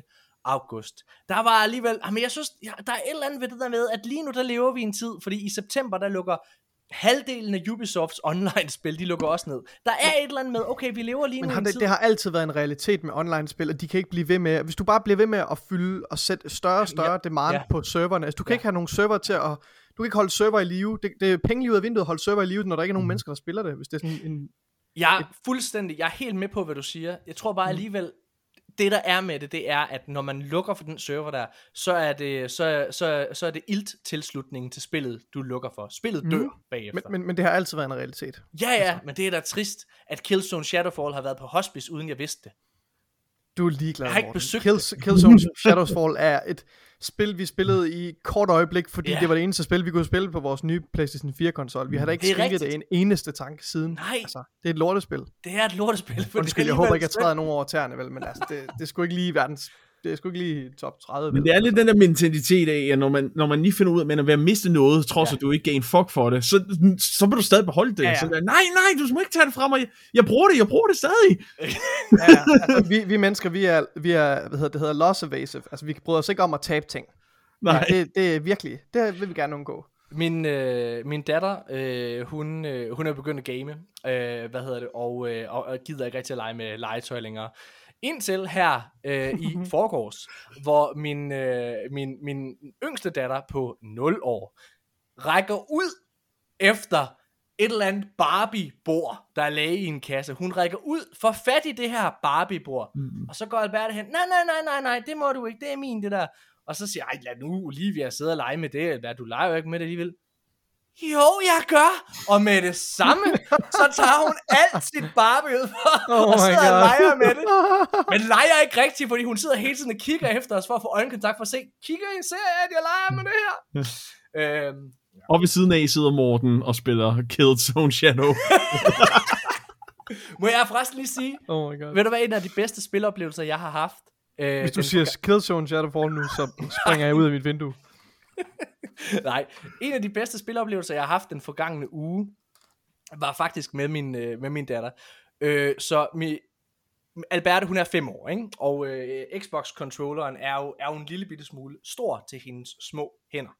Øh, hvad hedder det? Men, øh, men hun er ved sådan ligesom at, at, at lære en teknik, så hun ligesom kan, kan, kan styre det. Og, og noget, hun er særlig har svært ved, fordi hun er fem, det er ligesom øh, at bruge både venstre tommeltot og højre tommeltot til at bevæge sig og kigge rundt samtidig. Men jeg vil rigtig, rigtig gerne have, at hun lærer at spille Destiny. Det vil jeg rigtig gerne have. Jeg sidder og træner hende op langsomt, ikke? Øh, og øh, Oh har sådan, du ved, fra, sådan en gang i ugen har jeg lige tændt for Destiny, og så har jeg bare smidt hende ned på en destination, og så givet hende controlleren. Og hun er sådan blevet bedre og bedre til det. Og så her i forgårs, der, øh, der tænder jeg for en rigtig mission, som hun ligesom skal gennemføre. Og det sidder hun og gør. Hun gennemfører det, og jeg har simpelthen ikke... Hun gennemfører hele den her mission, bruger sin super, skifter våben, sidder og plukker og alle mulige ting. Jeg var så fucking What? stolt. Jeg var så fucking stolt. Og hvad hedder det? Og jeg sad og tænkte, okay, når jeg engang bliver 50, fordi både mig og min kæreste, vi spiller jo Destiny. Og vi bliver nødt til at få nogle flere børn. Fordi man skal være 6 til at gennemføre et raid. Og måden mig og min kæreste kan fortsætte med at spille Destiny, det er, hvis vi får fire børn. Fordi når vi er 50 eller 60 år, så kan vi altid sige, ej, I bliver da nødt til at hjælpe mor og far med at komme igennem raidet. I bliver da nødt til, I kan da ikke bare lade, er ikke klar det er os, der har givet jer livet. I bliver da nødt til at give os noget loot. Må vi ikke få noget loot, Albert? Det? Ja, det er dejligt. Lad os håbe, at uh, internettet i fremtiden kan håndtere seks personer på... Ej, jeg sidder og hvad hedder frygter, det, at øh? nogle af de fremtidige børn har blevet navngivet efter Destiny-karakterer eller sådan noget. ah, men det bliver en ting. Jeg tænker, altså jeg, jeg, jeg, jeg tænker, at øh, når jeg er ved at overtale øh, min øh, kæreste, at vi skal have et tredje barn, der tænker jeg, at hvis det bliver en dreng, så skal han hedde Savala. Hvad hedder det? Savala. Hvad hedder det? Ej, og prøv at, det er også fint med tre børn, Nikolaj. Så kan du være øh, nummer, øh, den sidste mand på holdet. Okay, Så tak. får, vores, så får mine børn, de får også dig igennem. Åh, oh, kom så. Ej, jeg er død igen. oh, Nikolaj! hvor er jeg henne? er det dig, Morten, din gamle idiot? Okay, lad os, lad os, øh, lad os gå videre. Okay, så nu er det tid til en god nyhed ved Playstation. Er I klar, mine damer og herrer? Woo. Woo! Øh, Playstation, de har købt en øh, stor e-sports turneringsplatform. Øh, hvad hedder det? Det er en øh, platform, som hedder, bum, bum, bum, skal lidt ind, den hedder repeat.gg. Og det er simpelthen, det er, en, det er mere eller mindre bare en hjemmeside, som, hvor man ligesom kan afholde e-sports turneringer på. Er sådan, som jeg forstår det. Er det ikke rigtigt? Mm. Det siger vi der. Det? det er i hvert fald ret fedt. Altså, jeg, Playstation har jo været ret gode her til de sidste par år, at gå ind og investere ret hårdt i e-sport. Og altså, jeg ser det her som en ret øh, fed ting, det her. Altså, til ligesom at. Jeg, jeg glæder mig til at se, hvad de egentlig har tænkt sig også at, at, at udnytte det på, fordi jeg følger meget med på at Playstation, de Bungie. begynder at øh, snakke rigtig meget, eller vise rigtig meget kampsport-turneringer øh, Jamen. på deres platform. Ja, de Men har jeg jo har ikke købt... set dem sådan vise så meget af de andre typer spil, jo, så det bliver spændende. De har været ude og investere ret hæftigt i, øh, altså lige præcis i fighting, øh, hvad hedder det, Hmm. i, der, i en eller anden øh, kampsportsturnering, et eller andet, jeg kan simpelthen ikke huske, hvad det Evo? hedder. Øhm, ja, lige præcis. Lige præcis. Jeg tænker også på Bungie, fordi de er jo også i gang med at lave et, øh, nogle, nogle competitive øh, PvP titler, Ja. eller titel. Mm. I hvert fald, hvis man kigger på deres øh, jobopslag. Ja. Øhm, så det Og, vil helt øh, apro- oplagt. Og apropos Bungie, Nikolaj. Næste nyhed. Der har været en lille teaser trailer øh, til en Destiny 2 showcase, der kommer her den 23. august. Øh, man må formode, at det er der, man vil vise Lightfall, den næste store expansion til Destiny 2, og at man vil vise den frem. Øh, ja, det, er meget, det, ser- det ser meget fint ud. Der er ikke noget nyt øh, gameplay eller noget nye altså ting, man ligesom ser. Men det, der er spændende, det er, hvis man har spillet øh, Destiny 2, det er, at der er to forskellige karakterer, som ligesom taler oven i hinanden. Den ene, det er en karakter, der hedder The Witness, og den anden er en karakter, der hedder Savafun, som ligesom taler oven i hinanden. Og det synes jeg er spændende, fordi Savafun var om... ret store implikationer i forhold til loven, og ja. Ja, og, og, og. Sabafun var ligesom, øh, hvad kan man sige, øh, antagonisten i øh, hovedmodstanderen i, i, i The Witch Queen. Hun er The Witch Queen, og hendes historie blev meget, blev ikke super tilfredsstillende afrundet der, så at de Nej. ikke er færdige med hende, det synes jeg øh, kun vidner, øh, eller det tegner godt, synes jeg. Helt sikkert. Fedt. Jeg er spændt på at se igen, hvad, altså det jeg egentlig er mest spændt på, det er sådan øh, lidt, altså, det er at se, hvor, hvor stor en expansion er det, vi, vi kan forvente. Altså, fordi jeg, jeg tror, at, øh, at jeg synes, at, øh, at The Witch Queen, den, øh, den led ikke rigtig op til hypen, øh, og op til, til de løfter, som er, er lavet implicit i forhold til den en modstander, som er blevet hypet op igennem rigtig, rigtig lang tid. Og nu, er det jo, nu står vi jo så i samme situation igen. Altså, Lightfall skal også øh, drejer, hvor omdrejningspunktet her også er en modstander, der har været der lige siden begyndelsen i princippet. Altså, ja. øh, så øh, ja, det, det, det er spændende. Jeg, altså, jeg er faktisk ikke super hyped. Altså, øh, Witch Queen har virkelig, øh, har virkelig taget, taget den fra mig, tror jeg. Der er, øh, altså det er jo anden sidste expansion til Destiny 2. Når øh, der er mm. to expansions tilbage i Destiny 2 sagaen, så... Eller til, øh, ej, til, eller, ikke til Destiny 2 sagaen, men til det, der hedder Light the Light Dark. and the Dark. Og, og Ja. vi har ikke den fjerneste anelse om, hvad der sker bagefter. Nej. Der har i hvert fald ikke været nogen altså, åbenlyse hints til, hvad der skal foregå efterfølgende. Jeg er spændt på, hvor stort... Altså, det er jo tydeligt, hvis jeg skal gisne, øh, så, er, øh, så kommer den her expansion, den kommer jo tidligst til februar næste år. Øh, hvad hedder det? Altså, de har jo brug for et år til at udvikle på det. Øh, og øh, hvis man skal være lidt hård, så hvert eneste år, så er øh, expansions til øh, Destiny, de er blevet udskudt. Og det er ligesom rykket hele, det hele lidt, ikke? Øh, Mm. Altså, efter at de øh, brød med Activision, der har de ikke været lige så gode til at holde deres lovede deadlines. Først så blev Shadowkeep, den blev udskudt en måned. Øh, året efter, så var det Beyond Light, der, der blev udskudt en måned. Øh, og så øh, blev Witch Queen udskudt, øh, hvad hedder det, til, øh, til, altså med tre måneder eller sådan noget.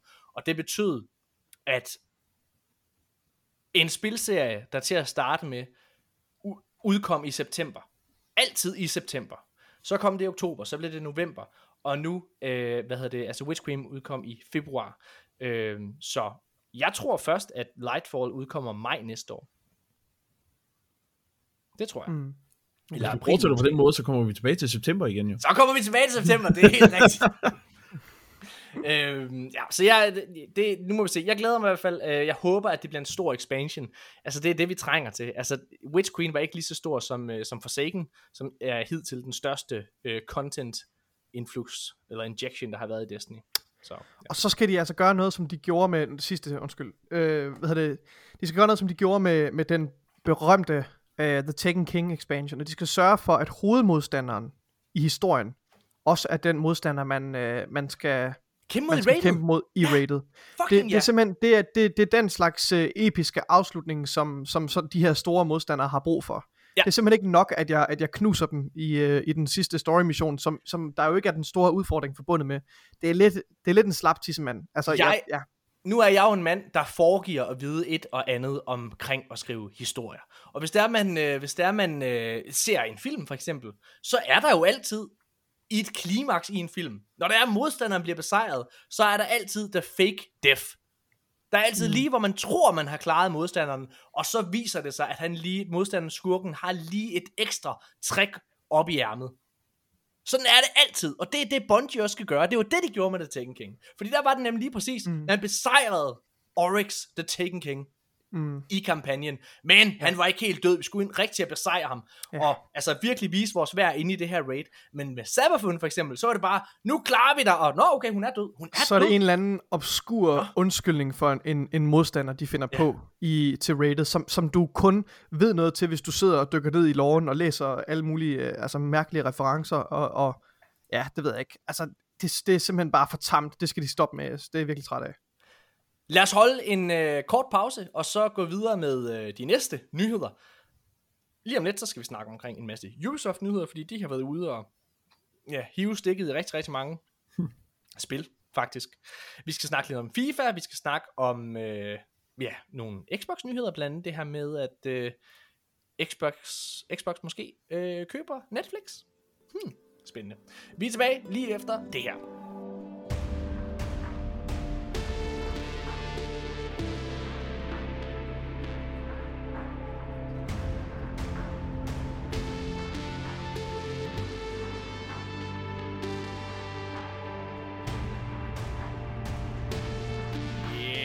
Damer og herrer, så er vi tilbage igen, og jeg er halvanden energidrik inde. Øh, så det ved jeg ikke, hvad det betyder. Men det kan, det, kan, det kan gå helt galt lige om lidt, eller også kan det blive rigtig, rigtig fedt. Jeg tror, det bliver rigtig fedt, Nikolaj. Ja. Lad os, øh, lad os snakke om noget, som øh, ikke er så fedt. Ubisoft.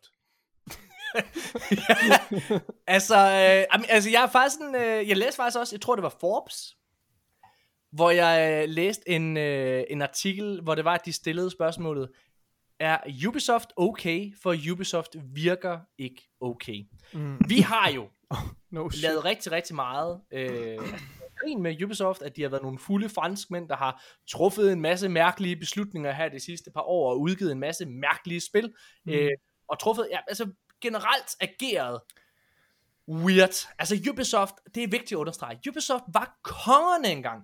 Mm. Da Ubisoft lavede øh, Far Cry 3, Blood Dragon og Assassin's Creed 2 og så videre, og udgav indie-spil som Child of Light og sådan noget der, de var the fucking shit, de var kongerne. Og så er de bare gået ned ad bakke. De er aldrig... Det var som om, at Black Flag, Assassin's Creed Black Flag, det var deres svanesang, det var deres sidste virkelig gode spil. Ej, jeg synes, at, okay, jeg bliver nødt til at forsvare nogle af de der open world. Jeg ved godt, vi, vi, vi jeg, og jeg selv er også meget slem til at angribe Ubisofts open world spillere. De, de er, de er for lange, men jeg synes, jeg synes at, øh, hvad hedder det, at, hvad hedder det, Odyssey og, og, og hvad hedder det, og Valhalla er nogle, er nogle udmærket, altså næsten måske glimrende spil, faktisk. næsten måske glimrende spil. Ja, okay, det er ikke, helt, det, er ikke det mest flatterende, jeg kunne finde på at sige, man kan sige om et spil, men det er ikke total horseshit, vil sige. Nej. Øhm, altså, der er, der er, ja, okay. Lad os prøve at tage, tage det fra en ende af, fordi der er faktisk rigtig mange nyheder. Ubisoft har været ude og øh, udskyde Avatar Frontiers of Pandora, det her øh, nye spil, der foregår i Avatar-universet, øh, som er sådan klassisk Ubisoft open world spil. De har været ude og udskyde det, og øh, har faktisk også været ude og give en forklaring dertil. De har været ude at sige, at det er fordi, at øh, de gerne vil gøre Avatar til en rigtig spilfranchise, og hvis det skal være det, så skal spillet være perfekt. Og mm. det synes jeg jo trods alt er. Øh, det, det er jo trods alt en god grund. Og hvad kan man sige, at udskyde et spil i 2022 er nok heller ikke det, altså det er jo ikke den største overraskelse, altså alle spil bliver jo fandme udskudt, ikke? Så, så det synes jeg ikke, man kan, der kan man ikke øh, spytte Ubisoft i ansigtet. Øh, det, mm. det, det, det synes jeg trods alt ikke, vi kan. Men mm. øhm, ja. Jeg Hvis kan vi- dog hvis høre, vi at du bare- virkelig har lyst. Hvis vi bare starter der, er, der en, er I egentlig hyped på et uh, Avatar-spil? Not really. Nej, ikke rigtigt. Men det er jeg fordi, tror- jeg var ikke særlig hype på filmen i forvejen, så... Okay. Jeg, jeg synes, ja. Det, jeg, Jeg synes nemlig, jeg, det var altså, en jeg, fantastisk biografoplevelse, altså øh, Ja. at se den første Avatar. Helt fantastisk. jeg, jeg må også sige, om det, det er, øh, altså James Cameron, som jo laver Avatar, han er jo ja. et øh, sindssygt geni. Ja, det er. Øh, det, det kan man ikke tage fra ham. Altså, og jeg, øh, jeg synes også, Avatar-filmen øh, var fan- en fantastisk oplevelse. Altså, jeg, jeg tror, man glemmer lidt, hvad han egentlig har betydet for hele biografindustrien. Det var ham, der i gåsøjne skabte 3D. Det var ham, der gjorde mm. det til en ting, at biograferne kunne være ude og investere i nyt udstyr, og så tage endnu mere for deres biografbilletter. Altså, det, han, det har han gjort. Og Avatar-filmen var også ret god egentlig. Der var mange, der var ude og sige, om det er jo bare danser med ulve i rummet. Har du set Danser med ulve? Det er rigtigt, at der er nogle story beats, der er de samme. Det er der også i Scarface og The Godfather. Altså, hold nu jeres kæft. Altså, det, det, det, det er bare fordi, altså, der er så mange måder, du kan fortælle en historie på. Hvad hedder det? Jeg, jeg, jeg, synes, det var, jeg synes, det var fint. Jeg synes, det var en underholdende film. Øh, er jeg hyped på Avatar 2, der kommer? Ikke endnu. Jeg har set traileren, jeg er ikke super hyped endnu, men, men, men jeg anerkender fuldt ud, hvad James Cameron kan. Han har jo aldrig lavet en dårlig film. Det tror jeg er rigtig vigtigt at tage med. Han har aldrig, mine damer og herrer, lavet en dårlig film. Hans første film, det var The Terminator. Hans anden film, det var Aliens. Hans tredje film, det var The Abyss, som er fucking god. Hans fjerde film, det var True Lies med Arnold Schwar- Schwarzenegger, som var fucking god. En Hans meget næste film undervurderet er- film. Fucking fed film, ikke? Den er Han- meget undervurderet, ja. sygt undervurderet. Og så filmen efter det, han lavede, det var en lille film, der hed Terminator 2. Så lavede han Titanic, og så har han lavet, øh, hvad hedder det, øh, altså Avatar. Han har aldrig lavet en dårlig film. Så han har brugt, det at han har brugt så mange år på at lave Avatar 2, det gør, at jeg om ikke andet kommer ind og ser den næste film. Jeg er totalt klar på det. Jeg, hvis han tror på det, så tror jeg også på det. Tror jeg på et spilunivers? Eh, hold your horses, Ubisoft. Ja. Hold your horses.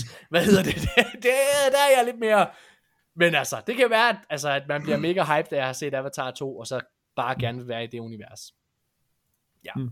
Øh, nå, men den er ligesom udskudt. Så det, altså, det er jo fair nok. Det er jo, det er jo, det er jo, det er jo øh, respektabelt, vil jeg næsten sige, at, øh, at man går ud og siger, at man, at man først vil udgive det her spil, når det er perfekt. Mm. Men så bliver man jo nødt til at spørge Ubisoft, det er jo fedt, men hvorfor ikke ville det noget før?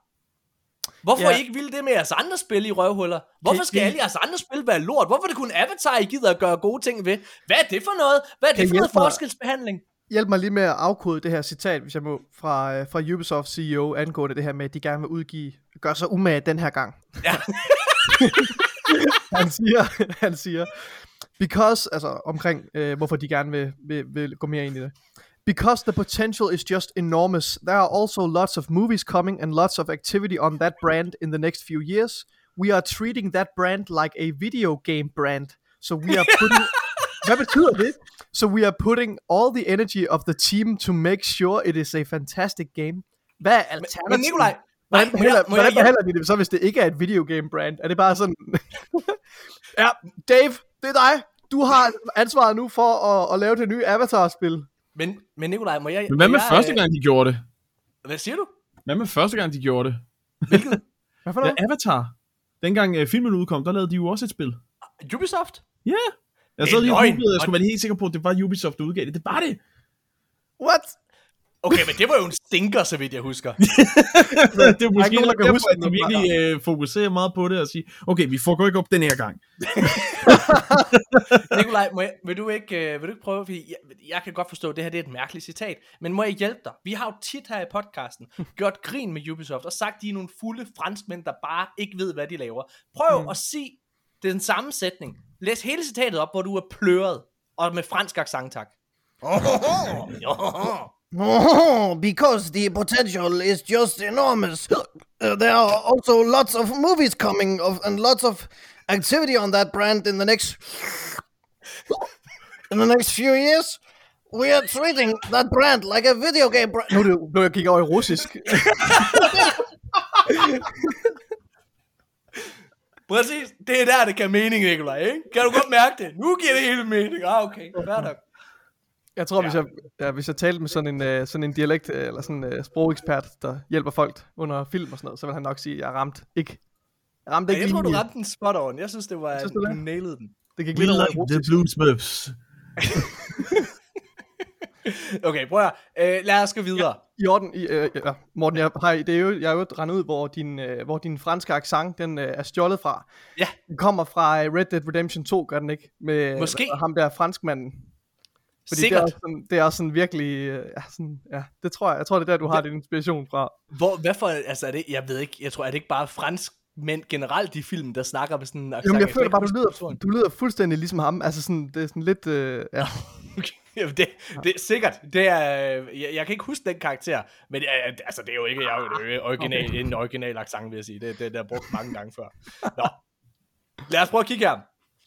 Ubisoft, de har også været ude, og øh, øh, ja, de har været ude og udskyde det næste Assassin's Creed-spil, allerede inden det er annonceret. Det er, i sidste uge kunne vi tale omkring, øh, at der var en, et rygte om, at det næste Assassin's Creed hed Rift, og det skulle annonceres her til september, deres event, Ubisofts event. Og efter sigende er det det spil, Assassin's Creed Rift, der er, er blevet udskudt allerede nu. Øhm, øh, kan noget være udskudt, inden det har fået en release date? Det kan Nej. det jo ikke. Så det giver ingen det- mening. det- det deres annonceringen. Hvad siger du? Øh, Men man kan sige, at de har udskudt annonceringen. Nej, jeg tror stadig, de annoncerer det. Så vidt jeg forstår, så annoncerer de det stadigvæk her den 30. Nå! Det er bare selve... altså, informationen kommer jo her til, til et investor call, ikke også? Så det kan jo være, at de har sagt før, at vi har ambitioner om at, at, at udgive det næste, hvad hedder det, Assassin's Creed-spil i det her kvartal eller sådan noget, og så er det blevet Ja. rykket. Øh, og det er jo lige præcis det her investor call, som, som du sidder og taler om. Altså, der har været den ene dårlige nyhed efter den anden, fordi Ja, ja, øh, Ubisoft har været til det her investor call, har de sagt, at de har været ude og stoppe udviklingen på det næste Ghost Recon-spil, det der hedder Ghost Recon Frontline. Det var et spil, der blev annonceret okay. tilbage i oktober sidste år, det vil sige, det er ikke engang ude endnu, og der er brugt en masse ressourcer på det her spil allerede. Øh, det fik også en, en rædderlig modtagelse fra fans øh, med den trailer, det, det, ja, det fik. Mm. Øh, Udover det, så er der et VR Splinter Cell spil, som er blevet cancelled, øh, og så yderligere to øh, uannoncerede spil er blevet cancelled hos Ubisoft. Er det her, er det her det sidste søm i kisten? Er det, er det sidste gang, de vandærer Tom Clancy's navn?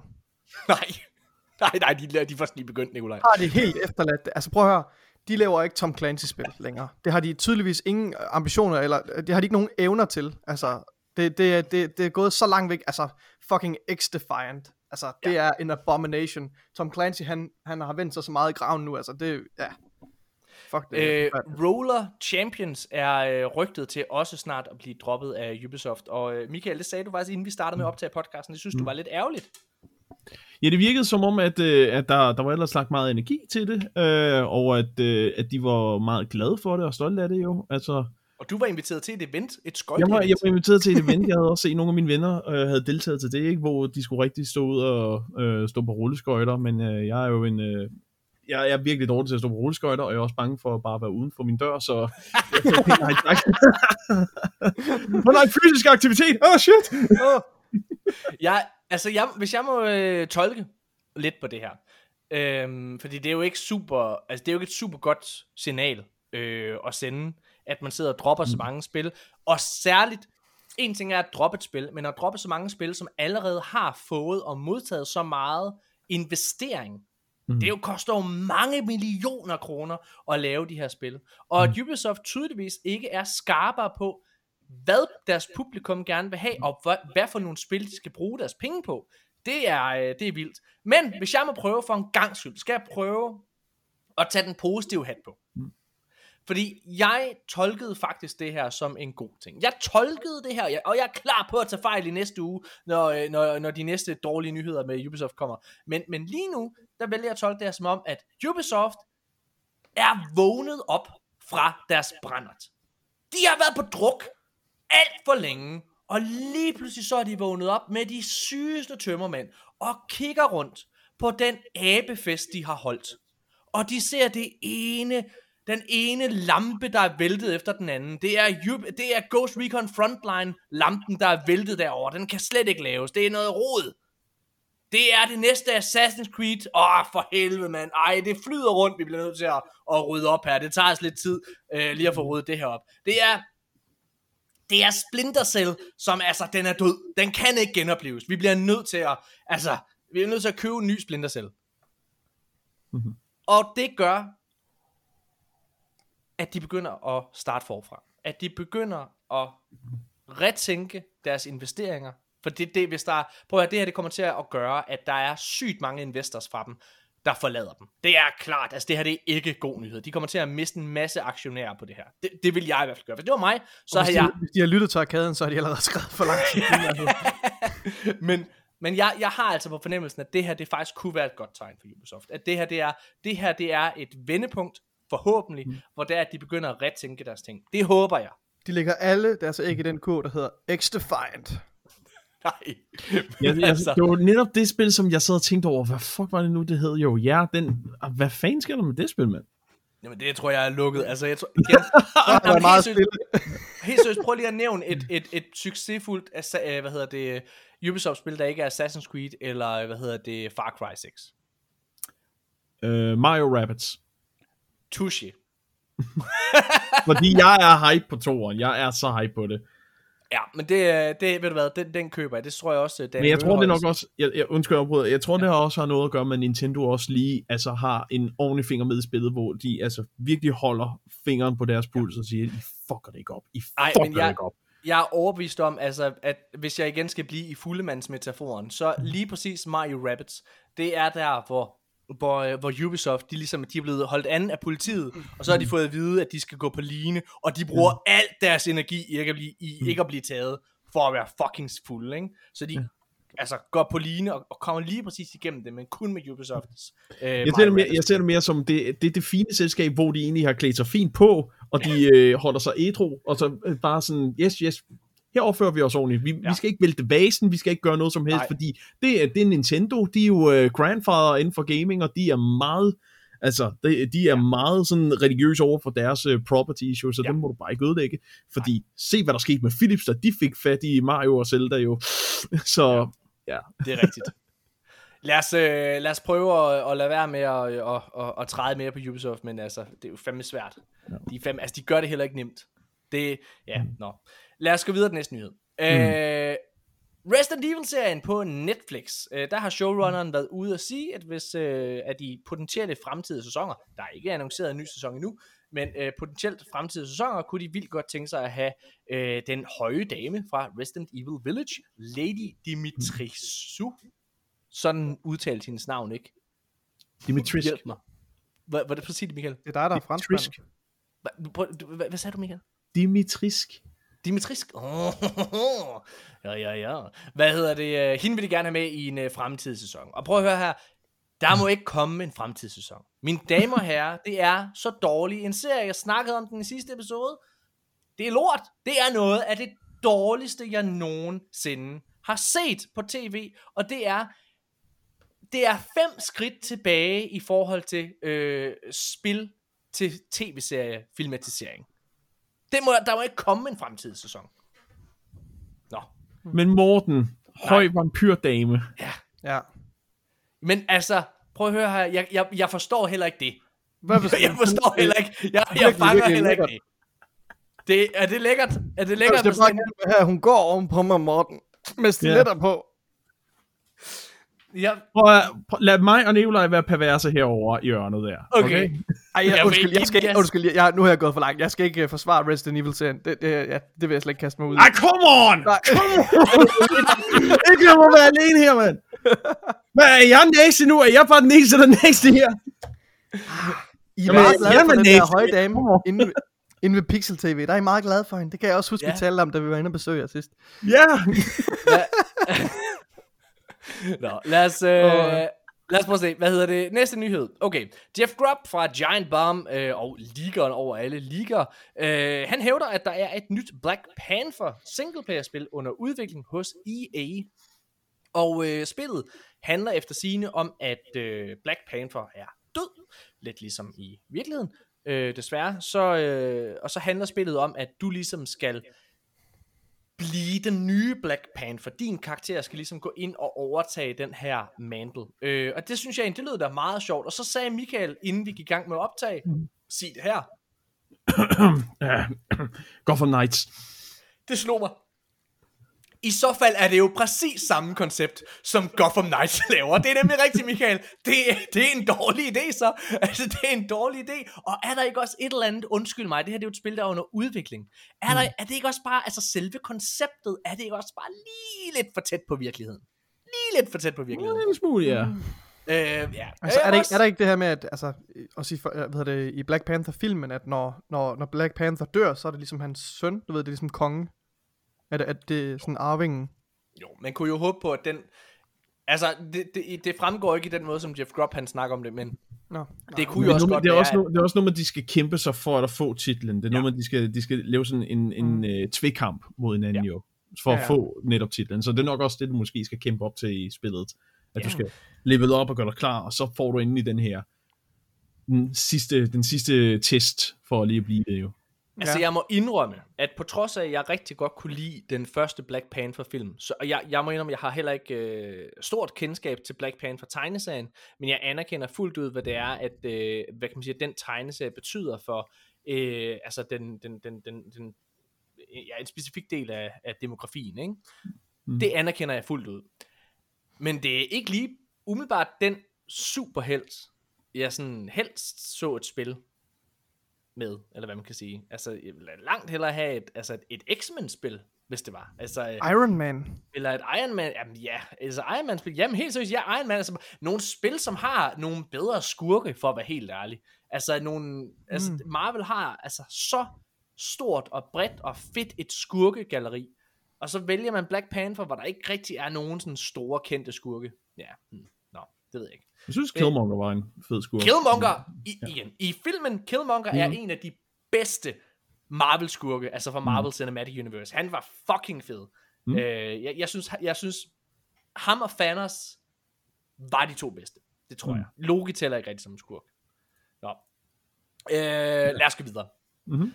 Der er to nyheder øh, omkring FIFA. Øh, FIFA 23 har fået øh, for første og sidste gang, fordi det her FIFA 23 er jo det aller sidste FIFA-spil fra. EA i hvert fald. Øh, men de øh, slutter på toppen, fordi nu er de røv ligeglade med, hvad FIFA-brandet tænker, så nu har de puttet en kvindelig øh, fodboldspiller på deres, øh, hvad kan man sige, deres cover. Ja. Hun hedder Sam Kerr, og øh, hun bliver den første kvindelige stjerne, der kommer til at være på, øh, på, ja, på frontcover. Spændende. Øh, men bare rolig, det er kun på Ultimate Edition, at hun er det. Øh, hvis der sidder nogle kvindehadere derude, på den helt almindelige, traditionelle disk, der er det altså stadigvæk bare en almindelig, øh, hvad hedder det, mand, der, der, der, der er foran. Jeg, jeg mener, jeg læste den samme gut, der har været der de sidste to andre gange også. Sikkert. Ja, Ja. Så, det, så de, de, de har ikke været kreative på den mandlige frontcover jo. nej. Jeg kan godt det lide, vi, jeg kan godt lide, at der er ingen af os, der ved, hvad han hedder. Det er dejligt. det er bare jeg godt. ikke. Hvor er det forfriskende. Nej, det er en fodboldspiller. Han, Ja, ja, lige præcis. FIFA 23 øh, udkommer desuden den 30. september, og det bliver som sagt det aller sidste øh, FIFA-spil udviklet af EA. Næste år kommer der også et fodboldspil, men det kommer så til at hedde EA Sports. It's in the game. Næste nyhed. Lord of the Rings, Gollum, er udskudt med nogle måneder, i citat. Øh, de skal lige have de aller sidste final touches, for at gøre det helt perfekt. Øh, og hvis der lige var, ja, jeg ved ikke, det kan være, der var en lytter derude, der interesserede sig for det. Der, altså, eller også er det fordi, at de, det er gået op for dem, at hold da kæft, vores spil ligner jo lort. Åh, oh, det ligner fucking pis. Det ligner pis, hvad gør vi? Ah, jeg skal lige bruge nogle, nogle måneder til at få det her fikset. Michael, er du uh, hyped på uh, Gollum? Nej. det ser fucking dårligt ud. Det ser fucking dårligt ud. Men øh, okay, øh, her, her kommer, jeg tror jeg nævnte det sidste gang vi sad her eller sådan noget, øh, men jeg har aldrig set Ringenes Herre, så jeg har ikke rigtig nogen sådan forhold til det her. Nej. Og jeg Altså- ved godt, det er en synd, og jeg, det en eller anden dag skal det nok ske. En eller anden dag skal det nok ske, men samtidig også, jeg elsker også bare reaktionen, jeg får fra folk, som der... Jamen, jeg, jeg sidder faktisk og tænker, og nu, Det er sgu lidt overvurderet. ja, er det Det er ikke det? det. Prøv, Jo, det er det er godt, det. vi er alle tre enige om det. Altså, jeg synes, Det er lidt overvurderet. jeg, jeg synes Ringnes er, det er sgu, okay, prøv at høre. Det er også nogle gamle noget, bøger, ikke? ja. Hvis du har noget fancy med noget kant, så skal du se de første sæsoner af Game of Thrones. Jeg vil gerne... Jeg har set dem Øh, alle. Jeg har set dem alle. ja, altså jeg, jeg er sgu heller ikke på det. Jeg, jeg har set alle filmene extended version, øh, og jeg synes også, det er, det er fint. Men, ja. Lad os gå videre. Star Wars Hunters, øh, som er det her øh, mobilspil, som også kommer til Nintendo Switch. Øh, det er udviklet af Sinka, som normalt også er kendt for at lave øh, mobilspil. Det er udskudt til 2023. Øh, der hvor det bliver lidt, øh, ja, hvor man kan blive lidt nervøs, det er, at det er, altså, jeg tror det er ni måneder, eller i hvert fald et halvt års, altså test, der har været på det her spil. Hmm. Så, ja, okay. Ja, 8 måneder, undskyld. 8 mm. måneder øh, playtest har der været på det her spil, og så er det blevet udskudt. Det tegner mm. ikke godt. Nej. Nej. Nej. Øh, altså, jeg må også sige, at jeg synes, det ser så dårligt ud. Altså, Jeg var, nødt til at, jeg var nødt til at google det. Altså, jeg er ikke... Øh... Næste nyhed. Uh, Grounded Obsidians Grounded fra Xbox uh, får, sit helt egen, uh, får sin helt egen tv-serie. Hmm. Og det bliver bag, bag, fra en af forfatterne på Star Wars The Clone Wars. Okay, sindssygt. Ja. Fedt. Øh, det synes jeg altså virker... Jeg prøver lige at finde hans navn, ham der fra The Clone Wars, det kan jeg ikke lige finde umiddelbart. Men øh, umiddelbart synes jeg, det er rigtig, rigtig fedt. Altså, The Grounded er jo bare øh, skat børnene er skrumpet mm. spillet. Jeg synes, det giver max mening øh, at prøve at lave en øh, tv-serie på det. Altså, i en verden, hvor det er, at alle prøver at, at, at, at finde et computerspils brand, som de ligesom kan ride med på. Der, der synes jeg, det her det giver max mening. Særligt hvis det er en, en, øh, en animationsserie. Ja, jeg kan forestille mig, det er sådan lidt Saturday morning cartoon vibe, man får ud af det faktisk. Ja. Sådan en god gamle 90'er tegnefilm. Med Præcis. kæmpe myrer og andre Ja. insekter. Han hedder, øh, forfatteren hedder forresten Brent Friedman, øh, hvad hedder det, som jo så har arbejdet på, øh, på Star Wars The Clone Wars som forfatter. Øh, altså, jeg synes, det er ret fedt, øh, og det er jo også Microsoft, der begynder at vågne lidt op, altså X, eller hvad kan man sige, noget, hvor Playstation virkelig har været fremme i skoene i forhold til Microsoft, det er jo at begynde at, at filmatisere øh, alle deres IP'er. Uncharted, The Last of Us, øh, hvad hedder den, øh, God of War kommer til Amazon, Horizon Forbidden West kommer på Netflix som tv-serie. Altså alle de her, og, og, og Gran Turismo med, fra Neil, Druck, eller Neil Blomkamp, undskyld. Alle de her tv-serier og film, øh, det, det er jo en god idé. Det er jo en grund til, at de gør det, kan man sige. Så ja, det, jeg synes, det, jeg synes, og jeg, jeg synes faktisk lige præcis, at den her IP er god. Jeg synes, nu var jeg jo også en, der godt kunne lide Halo-serien. Har du set Halo, Michael? Nej, det har jeg faktisk ikke. Vi, vi har næsten lige fået skaffet Paramount ind, men øh, ja, hvad jeg har set af klip, fordi vi har haft nogle øh, sponsoraftaler med Paramount, Ja. så har jeg, så har jeg søgt efter en mulig klip, øh, som der skulle bruges øh, under de her, ja, ud, og de er endda taget ud af kontekst, og jeg ved overhovedet ikke, hvad det har med plottet at gøre. Men jeg, sy- jeg, jeg synes ikke, det så så imponerende ud, da jeg kiggede på dem. Det er sgu en... Øh, altså, jeg, jeg, jeg, jeg synes, at det var en overraskende god serie. Det Mhm. synes jeg. Øh, jeg. Jeg synes, hvis jeg skulle anmelde det fra 1 til 6, så ville jeg give den øh, 4 ud af 6 stjerner. Jeg synes, den var rigtig, rigtig fin, og jeg synes, det er første sæson er, øh, er en sæson, der, der om ikke andet viser et stort potentiale, og jeg synes, de friheder, øh, altså, som de tager sig, Øhm, I forhold til den originale lore, synes jeg klæder det rigtig, rigtig meget. Jeg har aldrig været så investeret i Master Chief før, øh, som jeg er i den her serie. Øhm, ja, jeg synes, det er rigtig, rigtig godt. Jeg, jeg, synes, jeg, jeg ved også, at Nikolaj han deler min holdning. Det har vi snakket meget om. ja, ja, jeg tænker også, lad os lade være at snakke mere om det så. Nå, men i hvert fald, jeg så, kan, ja, ja, men jeg, jeg kan jo først dømme det, når jeg har set det jo, så. Hvad for en anden tv-serie, bare lige når vi sidder og snakker om det, hvad for en anden IP vil Microsoft så I helst blive øh, filmatiseret? Og nu ved vi jo, at Fallout kommer. Det er jo også Microsoft nu. Hvad hedder det? Kommer på, øh, på Amazon, og den glæder jeg mig rigtig meget til. Den har et fucking fedt cast. Øh, men jeg hvad tror, kan man sige? Dishonored, tænker jeg, altså i sådan i en animationsfilm, kunne være rigtig fed. Dishonored kunne være fucking godt. Øhm, især fordi jeg synes, der er nogle mega fed, altså det der steampunk-æstetik er bare, altså fucking fed. Det er en fucking ja. god idé. Jeg, jeg, altså, jeg sidder også Altså, bare... hvis I ikke er overbevist, det, det, du lyder meget engageret, Morten, men altså, så gå ind og se nogle af de der cinematic trailers, der var til Dishonored 2. Det ser fucking fedt ud. Altså, Jeg må faktisk, og den ligger måske lidt for meget til højre benet. Jeg kunne altså også godt se en Gears of War tv-serie. Det var mm. faktisk min tanke også, ja. Altså, det er da mega jo- oplagt. Ja, ja. Der har jo 100%. været, øh, der har jo været rygter i rigtig mange år om, at øh, Dave Bautista, han vil vildt gerne spille øh, Mark Phoenix. Ja, Altså, det, selvfølgelig. det, han vil, hvad hedder det, og der har også været en, altså en film under jeg udvikling. det. Jeg må indrømme, jeg, jeg, jeg tror, hvis der bliver lavet en Gears of War ting, så tror jeg også, det skal være en animationsserie på samme måde som Arcane. Jeg tror simpelthen, det bliver for, øhm, det bliver for stereotypt og, og, og, og, og macho på en dum måde. Altså det bliver for meget Fast and the Furious, hvis det bliver en live action film, tror jeg. Altså med de der kæmpe rustninger, de render rundt med og sådan nogle ting. Ja, det ved jeg ikke. Ja. Men øh, Gears of War synes jeg kunne være et rigtig, rigtig godt bud. Øh, jeg synes også, der er noget magisk ved Fable, fordi den har så meget humor. Øh, ja, Mm, ja, helt sikkert. Ja. Helt sikkert. Ja. Nå. Øhm, bum, bum, bum. Der har været øh, her til øh, Comic Con, så har der været en øh, ny trailer, der er blevet vist frem til Gotham Knights, og det er en trailer, der inkluderer Batgirl. Mm. Og øh, jamen altså, Og det er spillet, vi snakker om, og ikke øh, tv-serien. Det er nemlig rigtigt. Det er spillet Gotham Knights. Det er rigtigt, der bliver lavet en serie, der også hedder Gotham Knights. På, øh, altså, som ser fucking dårligt ud. Nå. Ja. Men, men spillet her, synes jeg personligt, ser ret godt ud. Mm. Øhm, man kan jo spille både som Robin, som Nightwing, som, øh, hvad fuck hedder han? Red, Red Hood. Hood. Red Hood, ja. Ja. Og så som Batgirl. Øh, og jeg må indrømme, jeg tror, jeg skal spille som Batgirl.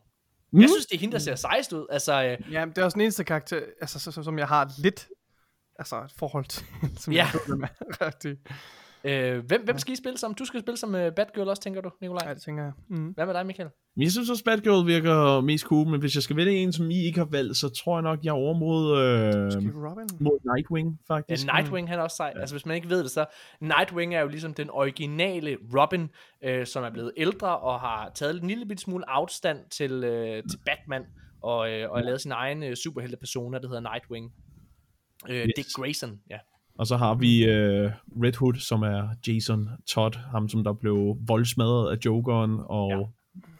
nærmest altså dræbt, troede man jo. Troede man i mange år, ja. Øh, Ja. Og hvad hedder det? Øh, apropos Jokeren, så er det kommet frem, at øh, Jokeren ikke er med i Gotham Knights. Og øh, altså, det får jo en til at tro, at Gotham Knights, som ikke andet, foregår i Arkham-universet, som man husker måske, Mm. tænker jeg, øh, hvor det er, at Mm. øh, Jokeren jo også dør i Arkham City.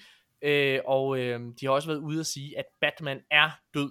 Det er jo det, traileren viser her i, øh, hvad hedder det, Gotham Knights, at den, øh, hvad hedder det, der har de været ude at sige, at Batman er død i Gotham Knights, og han forbliver død. Og der har jeg en ting at sige til jer, mine damer og herrer. Mm. Hvor er I dumme?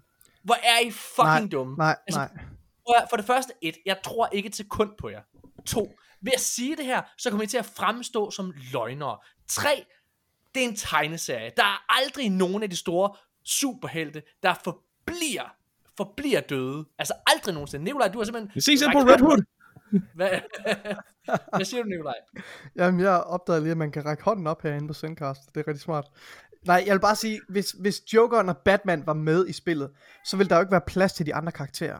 Altså, de ville totalt tage al øh, opmærksomheden og hypen omkring det. Og jeg, jeg føler, at det, det er en meget bevidst handling for at sørge for, at de her karakterer Ja. kan shine, og det er deres historie.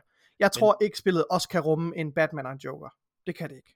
Men der er også så, altså jeg må også indrømme, jeg har ikke fået Joker fatigue, vil jeg ikke kalde det, men Jokeren har været med i alle andre ting. Prøv at ja. Sætte ham lidt på pause, sæt ham på bænken, der er så stort og fedt et rogue gallery i, uh, altså i Batman-universet, at der er masser af karakterer at tage af. Altså, øh, så jeg, jeg er totalt på det her, jeg synes det er, jeg synes det er, jeg synes det er fint, jeg synes det er fedt. Så ja, helt sikkert.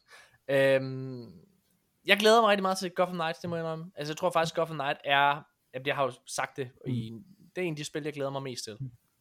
Ja. Glæder Jeg vil også sige, Knights? at, at, jeg vil også sige, at Jokeren er jo Batmans skurk. Mm. Og jeg kan godt forestille mig, at hvis de prøver at påtvinge ham ind i den her historie, det, så, så, så mister det lidt den magi, altså med den rivalisering mellem de her to karakterer. Det kunne være meget fedt at bygge noget op, som der var deres, Ja. der, der, der gav dem identitet og deres historie. Enig. Fuldstændig enig. Øhm, glæder du dig til Gotham Knights? Michael? Øh, mig?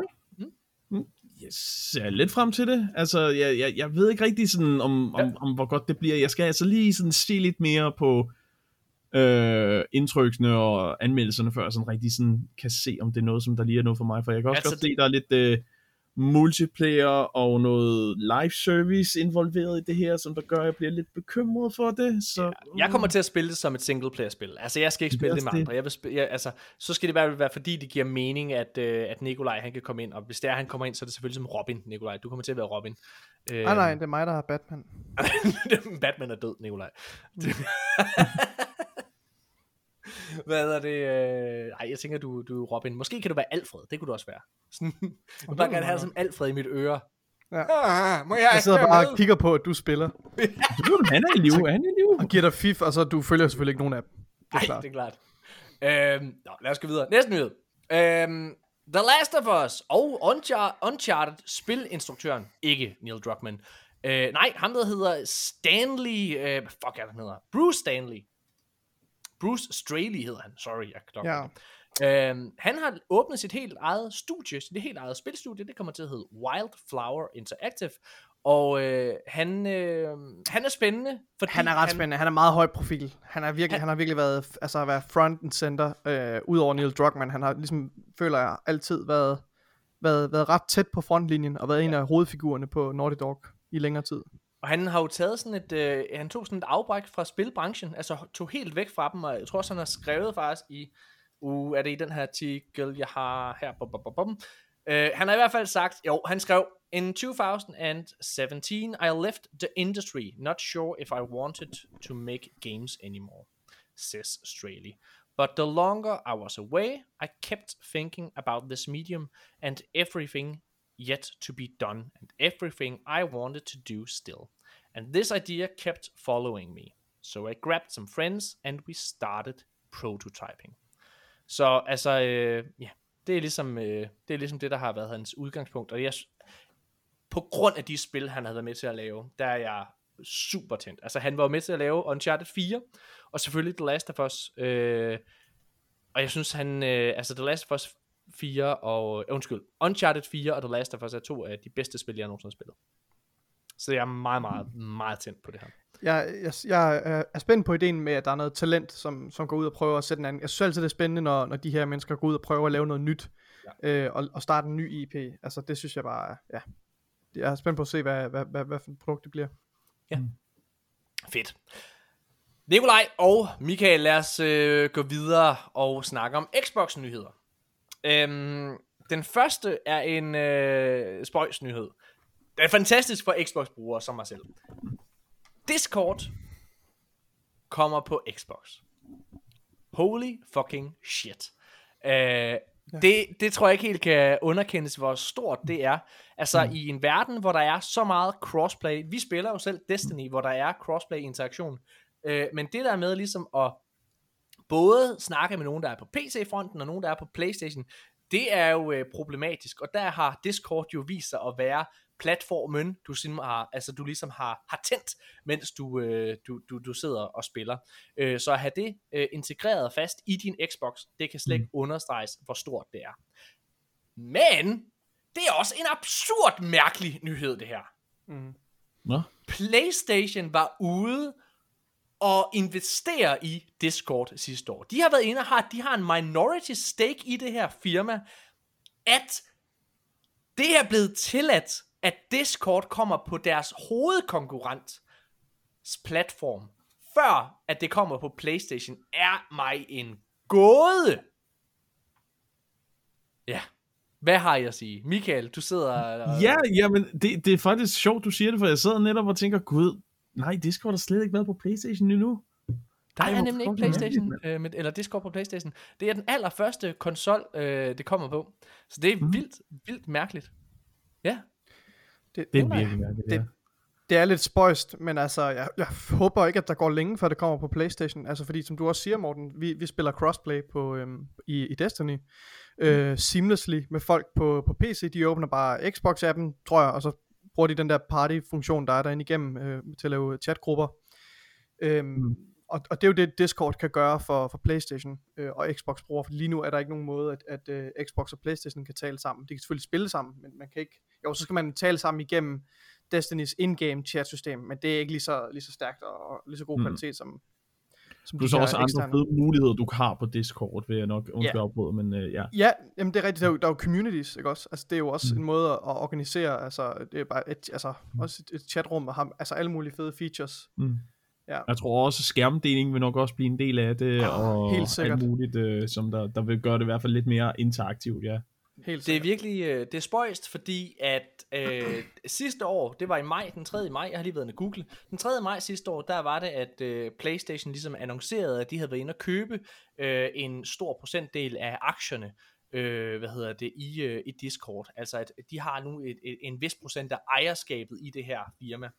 Og øh, grunden til, at det var en stor nyhed, særligt, det var fordi, at i månederne op til det her, der var det faktisk blevet rygtet, at Microsoft stod til at købe Discord. Rygterne gik endda på, at der var et kæmpestort beløb, der var på bordet fra Microsofts side, for at købe det. Men øh, Discord ligesom valgte at forblive independent, og så lavede de et samarbejde med PlayStation i stedet for. Og det, der er spøjst for mig, det er, at en af årsagerne til dengang, at Microsoft ville købe det, det var for at kunne lave en fuld interaktion, altså integrering med lige præcis Xbox. Så gik PlayStation ind og købte det i stedet for, og nu sidder Microsoft alligevel og er det firma, mm. der vinder. de får præcis det, de vil have givet. Jeg ved ikke, hvor mange mm. milliarder dollars for. Det synes jeg er vildt. Mm. Ja. Men jeg tror, det var nok, det, det, det lyder som om, at det var det Discord, de frygtede, altså eksklusivitet Øh, så derfor er de så valgt at hoppe væk fra det jo, ikke? Og det er jo, jo. nok det, som jeg tror, der er et af deres hovedpræmisser øh, og mål, ikke? At de vil gerne være tilgængelige for så mange som muligt med ja. deres platform. Det er, hvad jeg gætter på. Det, og det, det tror jeg, du har fuldstændig ret i. Jeg kan fortælle dig, at uh, Microsoft uh, havde tilbudt 10 milliarder dollars for at købe Discord. Shit. Det er, det er crazy.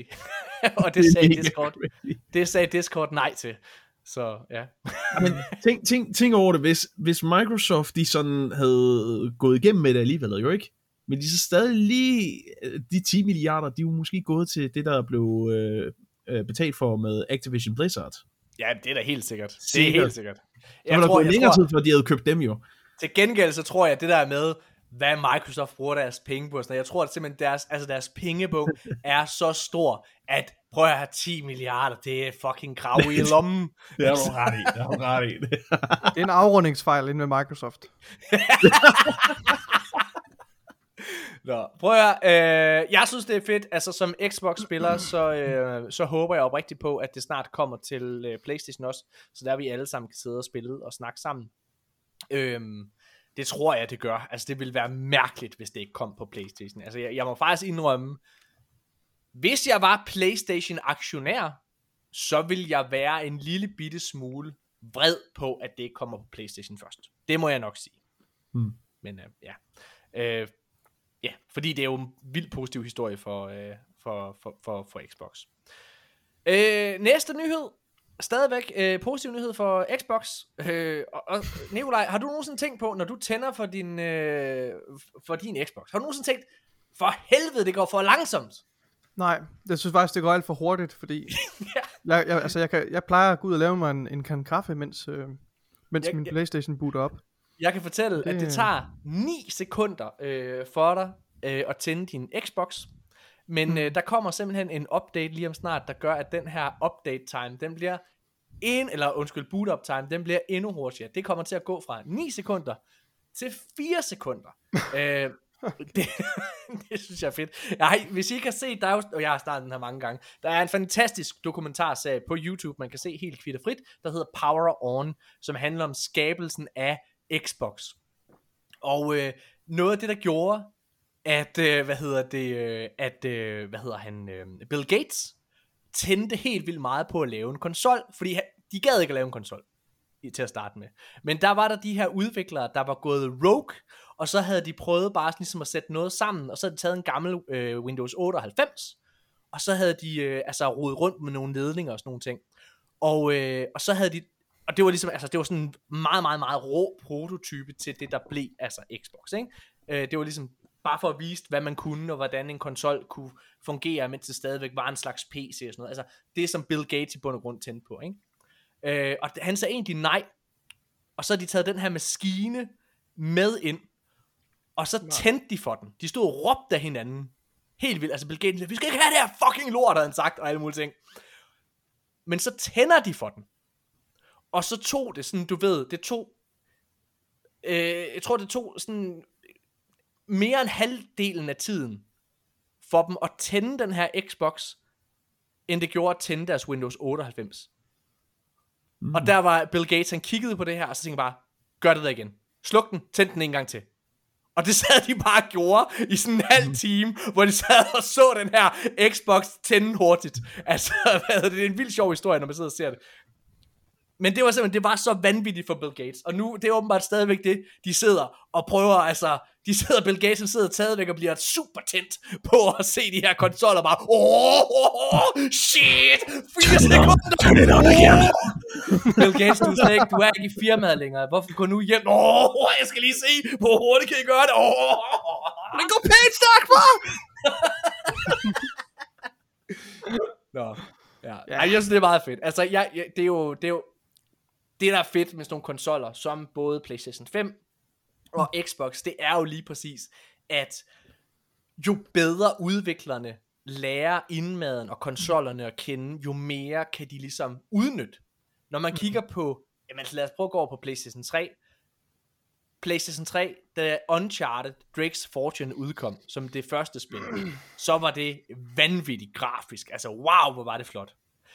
Men at kigge på det første Uncharted-spil, Drake's Fortune, og så til det sidste spil, The Last of Us, fra samme firma, der udkommer på PlayStation 3, det er jo nat og dag. Altså dengang, at The Last of Us udkom, det var, man kunne slet ikke forestille sig, at det her kunne køre på en PlayStation 3. Og det er jo det, der er fedt. Det er også det, vi ser med Xbox nu med, at nu, okay, så kan man lige optimere på boot up time. Det synes jeg er fedt. Ja. Mm. Ja. Nå, lad os gå videre. Mm. Nu er det spekulationstid. Vil Microsoft købe Netflix? Det er der en analytiker, der tror. Øh, det er i hvert fald en, en analytiker, der ligesom øh, spekulerer på. Øh, så der er den her, hvad hedder det, øh, analytiker, som, øh, hvad hedder det, øh, ah, hvad fuck hedder han? Han hedder, øh, øh, øh, øh, hvad fuck, ej, hjælp mig lige, hvad fuck hedder han? Det ved jeg ikke. Ah, fuck, okay, glem det, lige meget. Der er den her analytiker, som er sådan rimelig kendt. Ej, det irriterer mig, jeg ikke har hans navn. Hvorfor har jeg ikke skrevet det op? Du kan bare trykke på linket, kan du ikke det? Jeg er derinde på linket. Jeg sidder og kigger, men det er jo en lang artikel. Mm-hmm. Nå, for satan. Jeg var fan Fuck af det. navnet inden, ja. Ja, jeg har ikke læst den. Har du ikke læst den, din fucking idiot? Åh, oh, ja, det er Du har siddet og spillet Elden Ring. Nå, Hvilken- prøv at høre. Hvad hedder det? øh, Det er ligegyldigt, hvad han hedder. Den, der er den her analytiker, som, øh, hvad hedder det, ligesom har kigget på, at øh, på grund af, at Netflix's øh, abonnenter ligesom er faldet, og deres øh, aktionærer ligesom er gået, så er det her et rigtig, rigtig godt tidspunkt for Microsoft at købe dem, hvis der er en interesse. Der er lige lavet den her kæmpe store aftale med, mellem Netflix og øh, Microsoft, hvor, øh, fordi Netflix kommer til at have en model, hvor man kan se Netflix indhold øh, mere eller mindre gratis, eller jeg tror, jeg, ja, jo, jo, mere eller mindre gratis, til gengæld for, at der så er reklamer. Og den her reklamebehandling, eller hvad man skal kalde det, den aftale, det er Microsoft, der ligesom er gået med det. Det er dem, der har løbet med den her aftale, og det, det, det er et stort partnership, øh, det som er kommet der. Og, på- Altså det der ad- advertising sales partner, eller hvad? Yes, lige Ja. ja. præcis. Ja. Øh, hvad hedder det? Satya Nadella fra Microsoft, han, skrev, han sagde øh, i sin tid, We're thrilled ne- uh, Netflix has selected Microsoft as its advertising technology technology and sales partner. We want publishers to have more long-term viable mm, ad, ad monetization platforms so more people can access the content they love wherever they are. Mm. Øhm, ja, hvis vi bare ligesom går med hypotesen øh, om, om, er det her en god idé, at Microsoft køber Netflix, øh, jamen det tror jeg da egentlig det er. Fordi altså, hvis man kigger på det, så er Microsoft jo et kæmpe, kæmpe stort firma, men noget de ikke har, det er, at de har ikke et, en decideret underholdningsafdeling på samme måde som for eksempel Sony har. Sony har jo en kæmpe film- og tv-afdeling, Mm. Og noget af det, som for eksempel Bungie var tiltrukket af ved samarbejdet og købet, øh, øh, købsaftalen med PlayStation, det var lige præcis, at PlayStation laver fjernsyn. Og mange af de her store udviklere, de vil rigtig gerne ind og lave en Pokémon, altså hvor der at du både har en tv-serie, der sidder og hvad hedder det, genererer en masse reklame, mere eller mindre for dit brand, De vil gerne lave en en masse- arcane. Øh, ja, altså, øh, hvad hedder det, uh, Arcane, præcis, altså hvor man får en masse mennesker til at forelske sig i det her univers, og det vil de gerne prøve at opleve og selv være i. Øh, og det er jo en af årsagerne til, at der er så mange spil, øh, franchises, der, øh, der er ved at gå over til enten film og tv. Altså det er simpelthen, fordi det bare, det booster det hele, ikke? Øh, men det har Microsoft ikke. De har ikke det her. De skal ud og lave eksterne aftaler, så skal de lave aftaler med Paramount om at lave Halo, og altså de skal ud og finde det her. De har ikke et in-house bureau, der kan udvikle på de her ting. Så hvis de køber Netflix, så har de det lige pludselig. Så har de en platform. Det tror jeg kunne være en vildt god idé. Øhm, og Netflix har jo ligeledes kigget på spil. Altså, de er jo ved at udvikle på deres egen spil, og vil gerne gøre det altså, øh, ind på det marked også. Så der er mange ting, der giver mening, hvis man gjorde det. Og lige nu, fordi at Netflix er i gåseøjne sårbare, øh, de har jo lige mistet jeg ved ikke, hvor mange abonnenter, lige siges i forhold til de abonnenter, de har mistet. Øh, Der var, jeg, jeg læste en artikel om, at de havde øh, mistet 100, eller undskyld, de havde mistet en million abonnenter, øh, altså det sidste kvartal. Og det er rigtigt. Det folk ikke lige fortæller, det er, at det er fordi, at de har lukket øh, muligheden for at se Netflix i Rusland på baggrund af alle de sanktioner, der har været der. Så alle deres abonnenter derovre er jo ligesom væk. Hvad hedder det? Det har altså også spillet ind. Ah. Okay. Øh, Ja. men, men ikke desto mindre, så er det klart, at de har mistet en masse, altså en masse øh, abonnenter. Og det havde de også gjort altså, ved siden af, på grund af, at, at, der er så mange streamingtjenester, der sidder og konkurrerer om din interesse, og Disney Plus er virkelig blevet en stærk spiller, som, øh, som stjæler øh, altså Netflix's øh, ja, kunder, ikke? Mm. Mm-hmm. Så, øh, så jeg tror, øh, det her det kunne være, altså det her det kunne være en rigtig rigtig god idé. Øhm, mm. Er det noget man rent faktisk gør? Hmm, det ved jeg sgu ikke. Altså, jeg tror godt Microsoft vil. Jeg tror også Microsoft har penge til det. og Jeg tror lige så snart at den her Activision handel ligesom er gået igennem, hvilket man formoder den gør, måske allerede her i august går der rygter om, at den ligesom bliver lukket. Jamen, hvad er det næste Microsoft skal købe så? Jeg tror, at hvis Microsoft gik ud hypotetisk set og sagde, nu vil vi købe EA, så tror jeg simpelthen, at de vil få fingrene i kagedåsen over for øh, FTC, som jo allerede har kigget øh, altså lidt kritisk på dem i forhold til Activision-handlen. Så jeg mm. tror ikke umiddelbart, de går ud og laver et kæmpestort spilfirma køb som det første. Men hvis de køber Netflix, mm. så styrker de deres Xbox, øh, hvad hedder det, Game Pass, fordi man må gå ud fra, at hvis de køber Netflix, så bliver, net, øh, så bliver Netflix en del af Game Pass. Altså det hele hænger jo sammen på en eller anden måde, ikke? Så styrker de hele deres tilbud, øh, samtidig med, at de ikke går ind og at de går ligesom ind på et andet marked, hvor der er et FTC ikke kigger lige så kritisk på dem, fordi de ikke forstår, at et køb af Netflix også er en bonus for øh, deres Xbox-platform. Mm. Det er ligesom to forskellige afdelinger, ikke? Giver det mening, det jeg sidder og siger? Jo, jo, jo, det gør ja. Hvad, hvad tænker I? Tror I, øh, at de kunne finde på at købe det, og synes I, at det er en god idé? Michael, vil du starte? Ja, jamen, jeg, jeg tænker mest, at jeg tror, Netflix har brug for det mere, end Microsoft har. Altså baseret på, hvor mange penge de øsler ud på middelmådige film og serier, og de skal ja. ud nærmest hver uge, så kan jeg godt se og mærke, at Netflix begynder at bløde rigtig meget. Og jeg, jeg mener, at Microsoft vil være den, den, den rette savior for dem, og de ved, altså, de ved selvfølgelig også, hvordan de så altså, skal håndtere det, når de så egentlig får fat i dem. Jeg gætter på, når Activision Blizzard handlen er gået igennem, så ved de også, hvordan de sætter bremsespor og sørger for, at de kommer på rette spor igen. Og det tror jeg nok også, de kan finde på at gøre med Netflix, når de får fat i dem, hvis de får fat i dem. Ja. Øh, jeg kan fortælle, at øh, ham analytikeren, nu har jeg lige fundet hans øh, navn, øh, han hedder Ben Thompson, Øh, han mm. er tech-analytiker og er efter sine en, øh, hvad hedder det, en, en ret respekteret en af, af, af sin slags. Han har blandt andet skrevet, Microsoft has been looking for a way back into the consumer space for a long time, beyond Xbox that is. Netflix provides exactly that and perfectly complements Xbox to boot. Mm. Yes. Mm-hmm. Øh, Nikolaj? Ja, altså transmedia er jo, er, jo, er jo det nye. Altså, så så det er nok ikke underligt, at, øh, at, at Microsoft også er, er interesseret i det.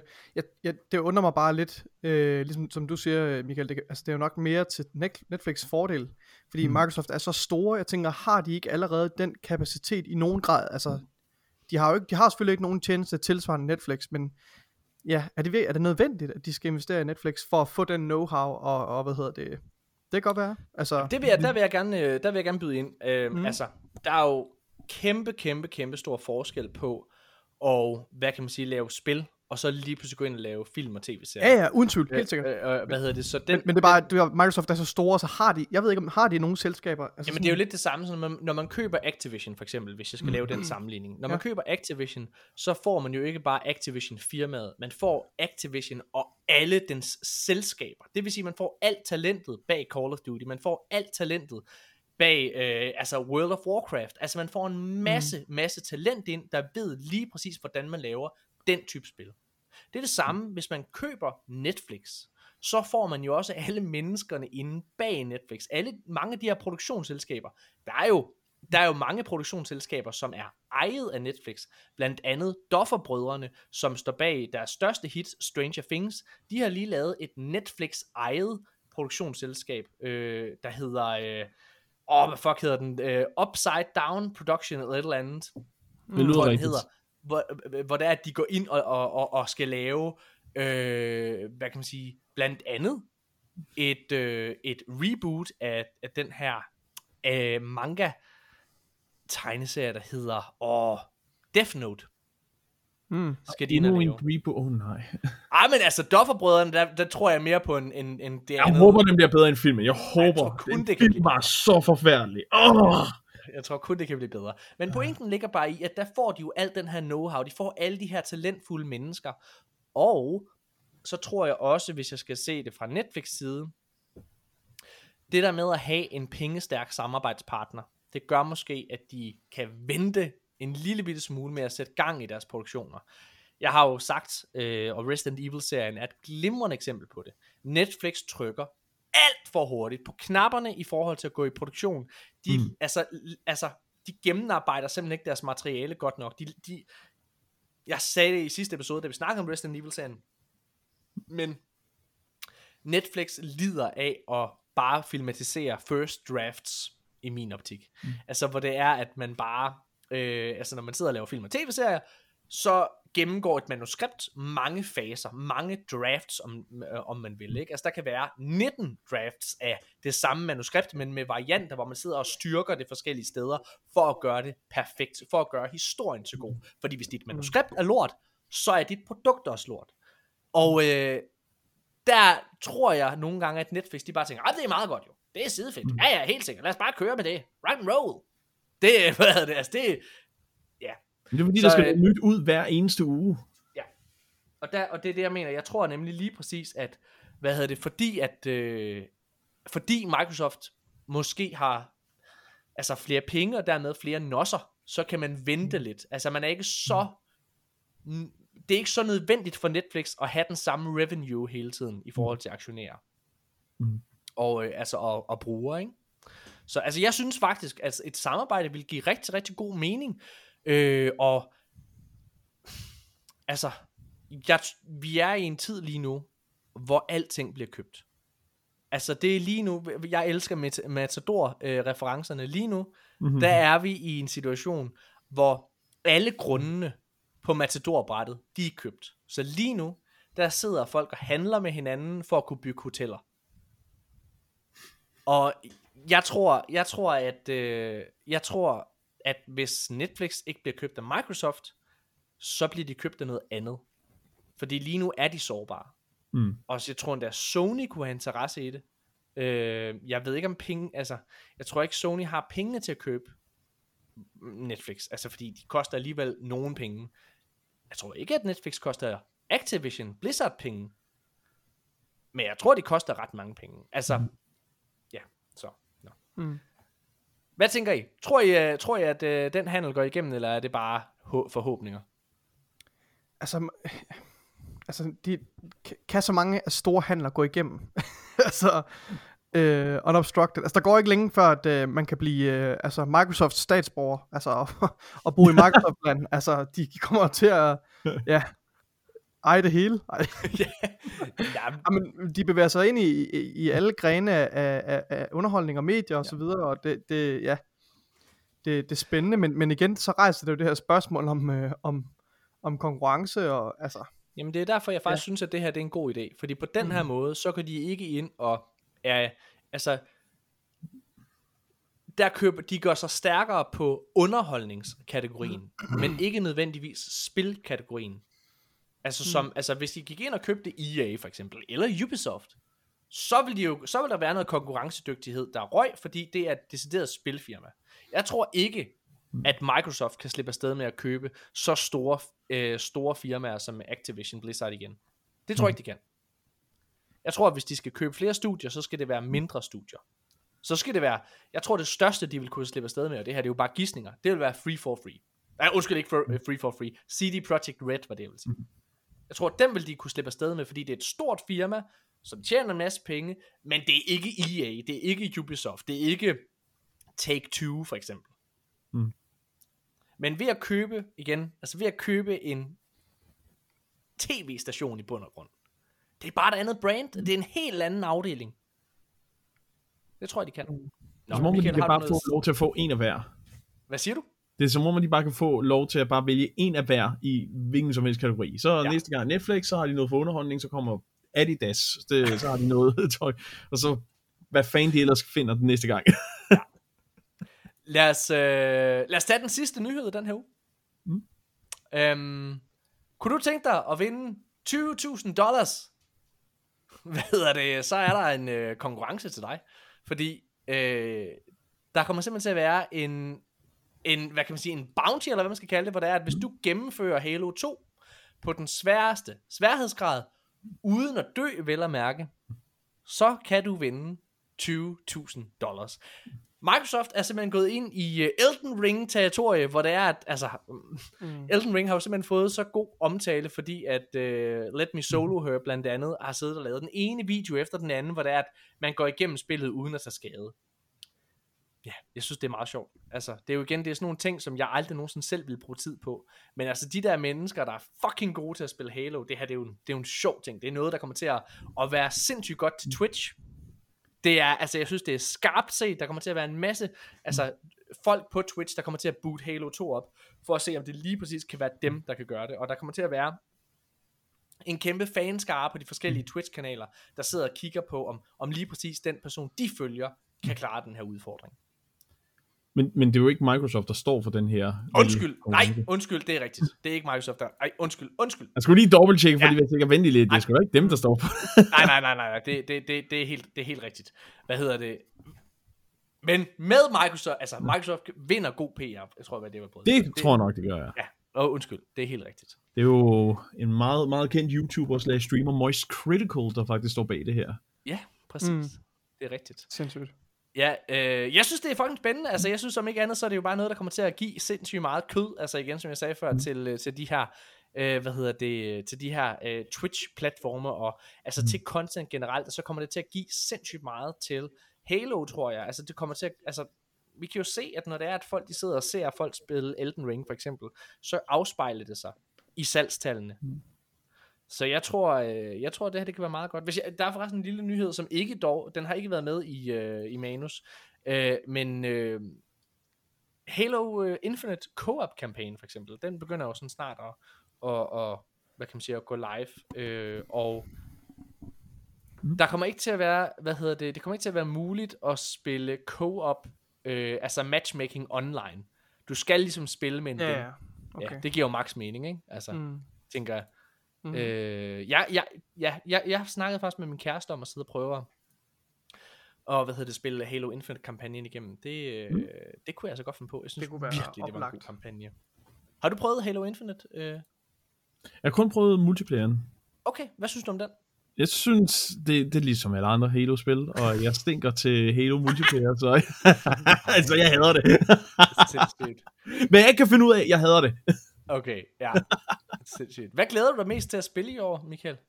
Uh, hvad jeg glæder mig, nu havde jeg jo nævnt uh, Mario Rabbids 2, jo, og så um, God of War Ragnarok ser jeg også meget frem til, men allerede her i morgen jo, altså vi optager det her mandag aften her, i morgen der kommer der faktisk, uh, jeg er jo en kæmpe stor Hitman-nørd, og der kommer ah. den første nye bane i Hitman 3, Ja. så det Okay, kommer vildt. jeg nok til at bruge uh, resten af ugen på, og prøve alle de her forskellige metoder, man kan gennemføre banen på. Jeg har aldrig spillet et Hitman-spil. Nej, det er jo Øh, Altså, det ligger jo på Game Pass. Skal jeg, skal jeg gå på det? Ja. Do it. Mi- Michael, sælg mig på det. Jamen altså, det er en af de ting, som der har været opdateret øh, i, i løbet af flere år. Øh, altså, vi startede med sæson 1, som der var bare, altså...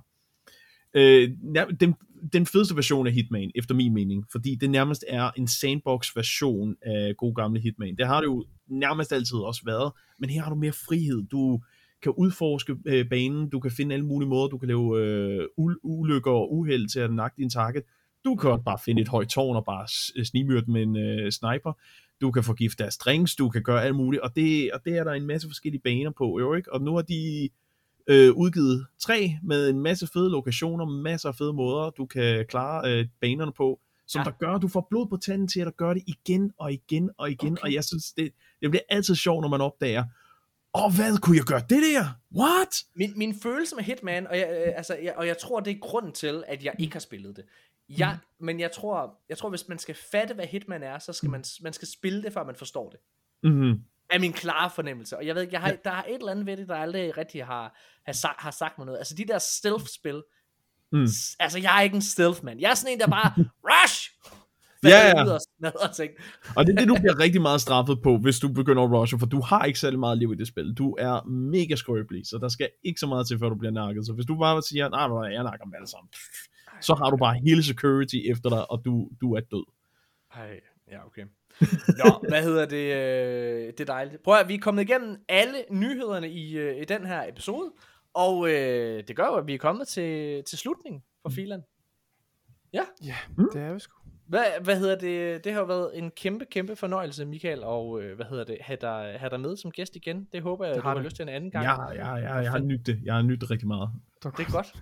vi har også lyttet at have dig med. Det er sjovt, altså du er sådan, du er sådan meget, du er sådan meget, hvad hedder det, om, om, hvad hedder det, omgængelig, hvad hedder det? Hvad hedder det, når man sådan, du er nem, du er nem, og du er nem at have med at gøre på en eller anden måde. Du er ikke så, du er ikke så rapkæftet. Du sagde også til os her i starten, at du rigtig godt bare vil være venner med alle, med alle mennesker. Du er ikke så hård, du er ikke så flabet over for mig. Der er mange af vores gæster, som er nogle røvhuller. Jeg gør mit Bjørn, jeg kigger på dig. oh, nej, det er dejligt. Jeg virkelig godt lide dig. Og øh, jeg synes jo som sagt, at man skal øh, tage og tjekke dig ud på, øh, altså på både din YouTube-kanal, mm. og så selvfølgelig inde på, på Pixel TV, hvor du laver en masse indhold. Og på Twitch selvfølgelig. Yes. Altså, øh, hvor du øh, blandt andet har spillet, øh, det der Attorney-spil, kan jeg huske. Hvad fuck hedder det? Uh, Phoenix Wright? Hvad for noget? Phoenix Wright? Ja, det er det, der hedder, altså det der anime-spil. Hvor man, Ja, ja, det er Phoenix Wright, ja. Åh, Ja. oh, jeg elsker Phoenix Wright. Det er jo Ja. en af mine absolutte yndlingsserier. Ved siden af Hitman.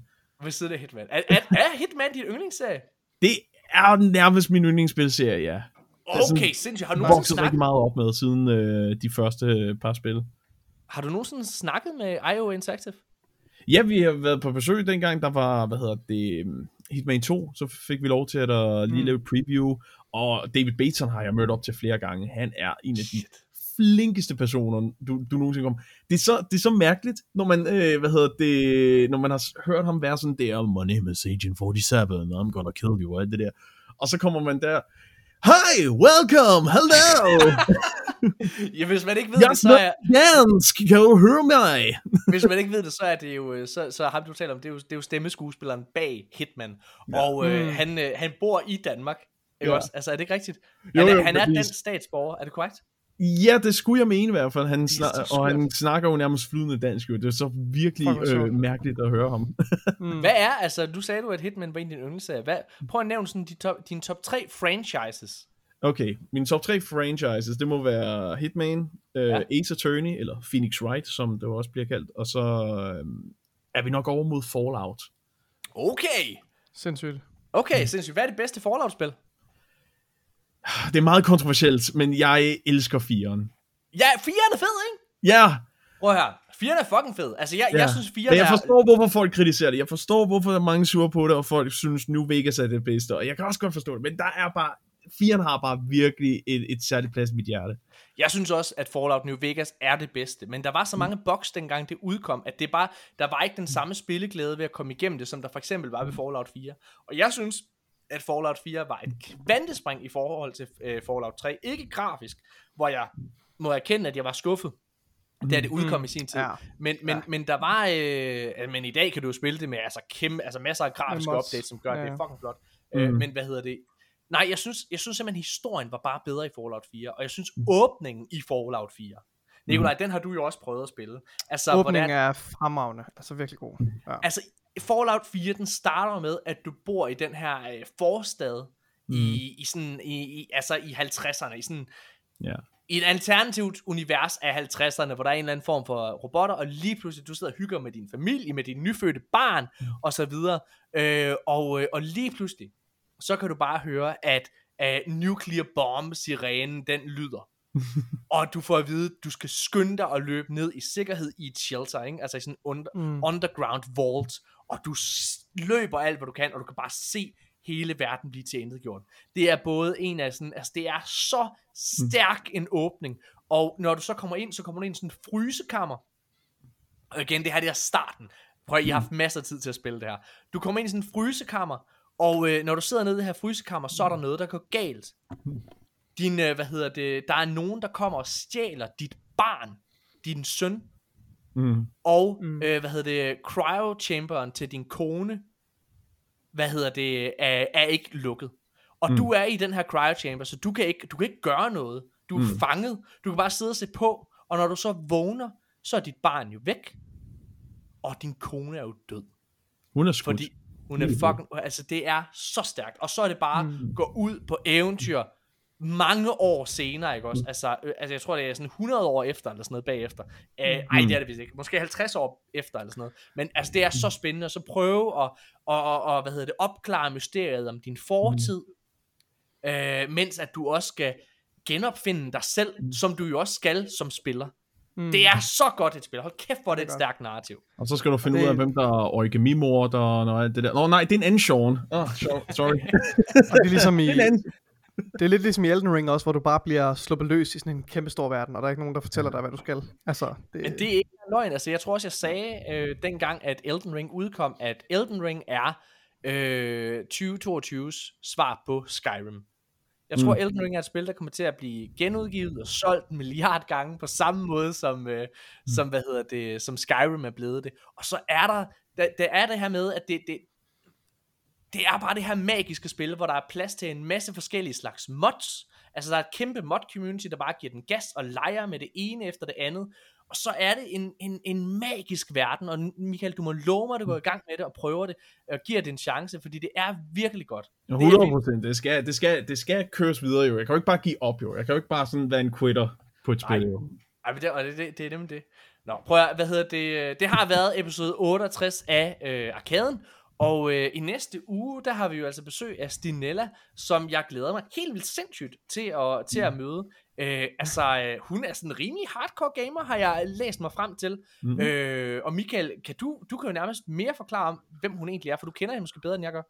Jamen altså, jeg kan bare fortælle, at hun er, hun har jo været øh, personlighed hos øh, Pixel TV, så har hun øh, selvfølgelig, øh, hvad hedder det, øh, haft også et par øh, gaming podcast, hvor hun selv har snakket om gaming. Ja, og, øh, og så er det bare, at hun har netop haft samarbejde med forskellige øh, spilfirmaer, og øh, generelt, altså, det, det, hun er bare en øh, totalt cool person, som der er åben for stort set alt muligt øh, forskelligt øh, gaming -halløj. Hun har været mest mm. Øh, fan af, hvad jeg, jeg ved ikke, om det stadig er jo, men hun har jo været så kæmpe stor fan af PUBG, at hun har fået det jo tatoveret på sig. Nej, det er løgn! Jo! Det skal vi snakke om. Det skal vi snakke om. Altså, vi skal også snakke lidt omkring det der med, altså, fordi jeg, jeg, jeg, jeg, øh, altså, jeg kendte hende for, på grund af, hvad hedder det, altså på grund af, at vi havde mødt hende nede til, til, til Gamescom i sin tid, og så ja. præcis som du siger, hun har været personlighed inde ved, ved Pixel TV, så der kendte jeg hende igennem. Og så vidste jeg, at hun havde været tv-vært øh, på, altså på et, øh, på et gaming-program for nogle år tilbage. Mm. Og så, øh, hvad hedder det, googlede jeg hendes navn, efter jeg havde booket hende som gæst, og så kom der sådan en M hvad hedder det, artikel frem, hvor hun var M-babe, og der var jeg sådan, what the fuck foregår der her? øh, og det er meget sjovt, altså jeg skal snakke med hende omkring det der med, fordi Marie Watson, som vi har haft fornøjelsen af at have haft gæst herinde i, øh, i podcasten også, der er noget med, at min fornemmelse er, at Stinella er rigtig god til at bruge hendes øh, seksualitet til også, jamen altså faktisk til ligesom at, at, at, at at fortælle piger, at du sagtens øh, kan gøre rigtig, rigtig meget ud af dit udseende, og så være en nørd samtidig. Altså de der gamle fordomme, eller hvad man skal sige omkring, hvordan en pige gamer var osv., dem tværer hun ud. Det har jeg kæmpe stor respekt for. Det synes jeg også Marie Watson gør. Det snakkede vi om i sin tid, og det er også noget, hun er meget bevidst om, Marie. Så det synes jeg bare er vildt spændende. Så det glæder mig jeg vildt meget til at, at, at snakke med Stinella Mm. Nå, spændende. Og så selvfølgelig også lige høre, hvad fanden det der PUBG-tatoveringspjat er for noget. Nå, sindssygt fedt. Men øh, det var episode 68 af Arkaden. Øh, tusind tak, fordi I har lyttet med. Arkaden det er en podcast, der bliver lavet i samarbejde med den danske Gamer Elite, det bedste community for gamer overhovedet. Øh, tjek dem ud på Facebook, hvor der er en undergruppe øh, til lige præcis den platform, du spiller på, om det er på PC, om det er på Nintendo, eller om det er på Playstation, eller tjek deres hovedside ud, den danske Gamer Elite. Øhm, hvis man gerne vil vide mere til Michael, så husk at tjekke ham ud på Twitch og på hans YouTube-kanal, eller tjek Pixel TV ud. Øh, det synes jeg, om ikke andet, man skal gøre, fordi Thomas Benz er en fucking nice fyr. Og øh, altså, jeg har, altså prøv at, man kan jo mene om Pixel TV, hvad man vil. Jeg er sikker på, at der er nogen, der har nogle holdninger. Men Pixel TV er fyrtårnet derude i den danske, hvad hedder det, gaming-industri lige nu, synes jeg. Altså, de altså, ja, der er jo ikke andre som dem. Der er jo ikke nogen, der konkurrerer. Der er ikke nogen, der gør så meget for, for gaming-communityet som, øh, som dem. Jo, mm. Arkaden. Hey, det er da også fedt, man. Dem skal I tage og lytte til. Og dem kan I lige tjekke ud på, øh, på, øh, på iTunes, og hvor fanden I ellers gør det. Og grund til, at de siger det, det er fordi, I skal huske lige at give os et review. Gå lige ind og sige fem stjerner. Giv fem stjerner. Og selv hvis du tænker, ah, jeg synes mere, det er en et stjerne. Ikke i dag. I dag er det en fem stjerner. Mega fedt. Woo! Så kører vi. Tusind tak, fordi I har lyttet med. vi er tilbage igen i næste uge. Hej hej.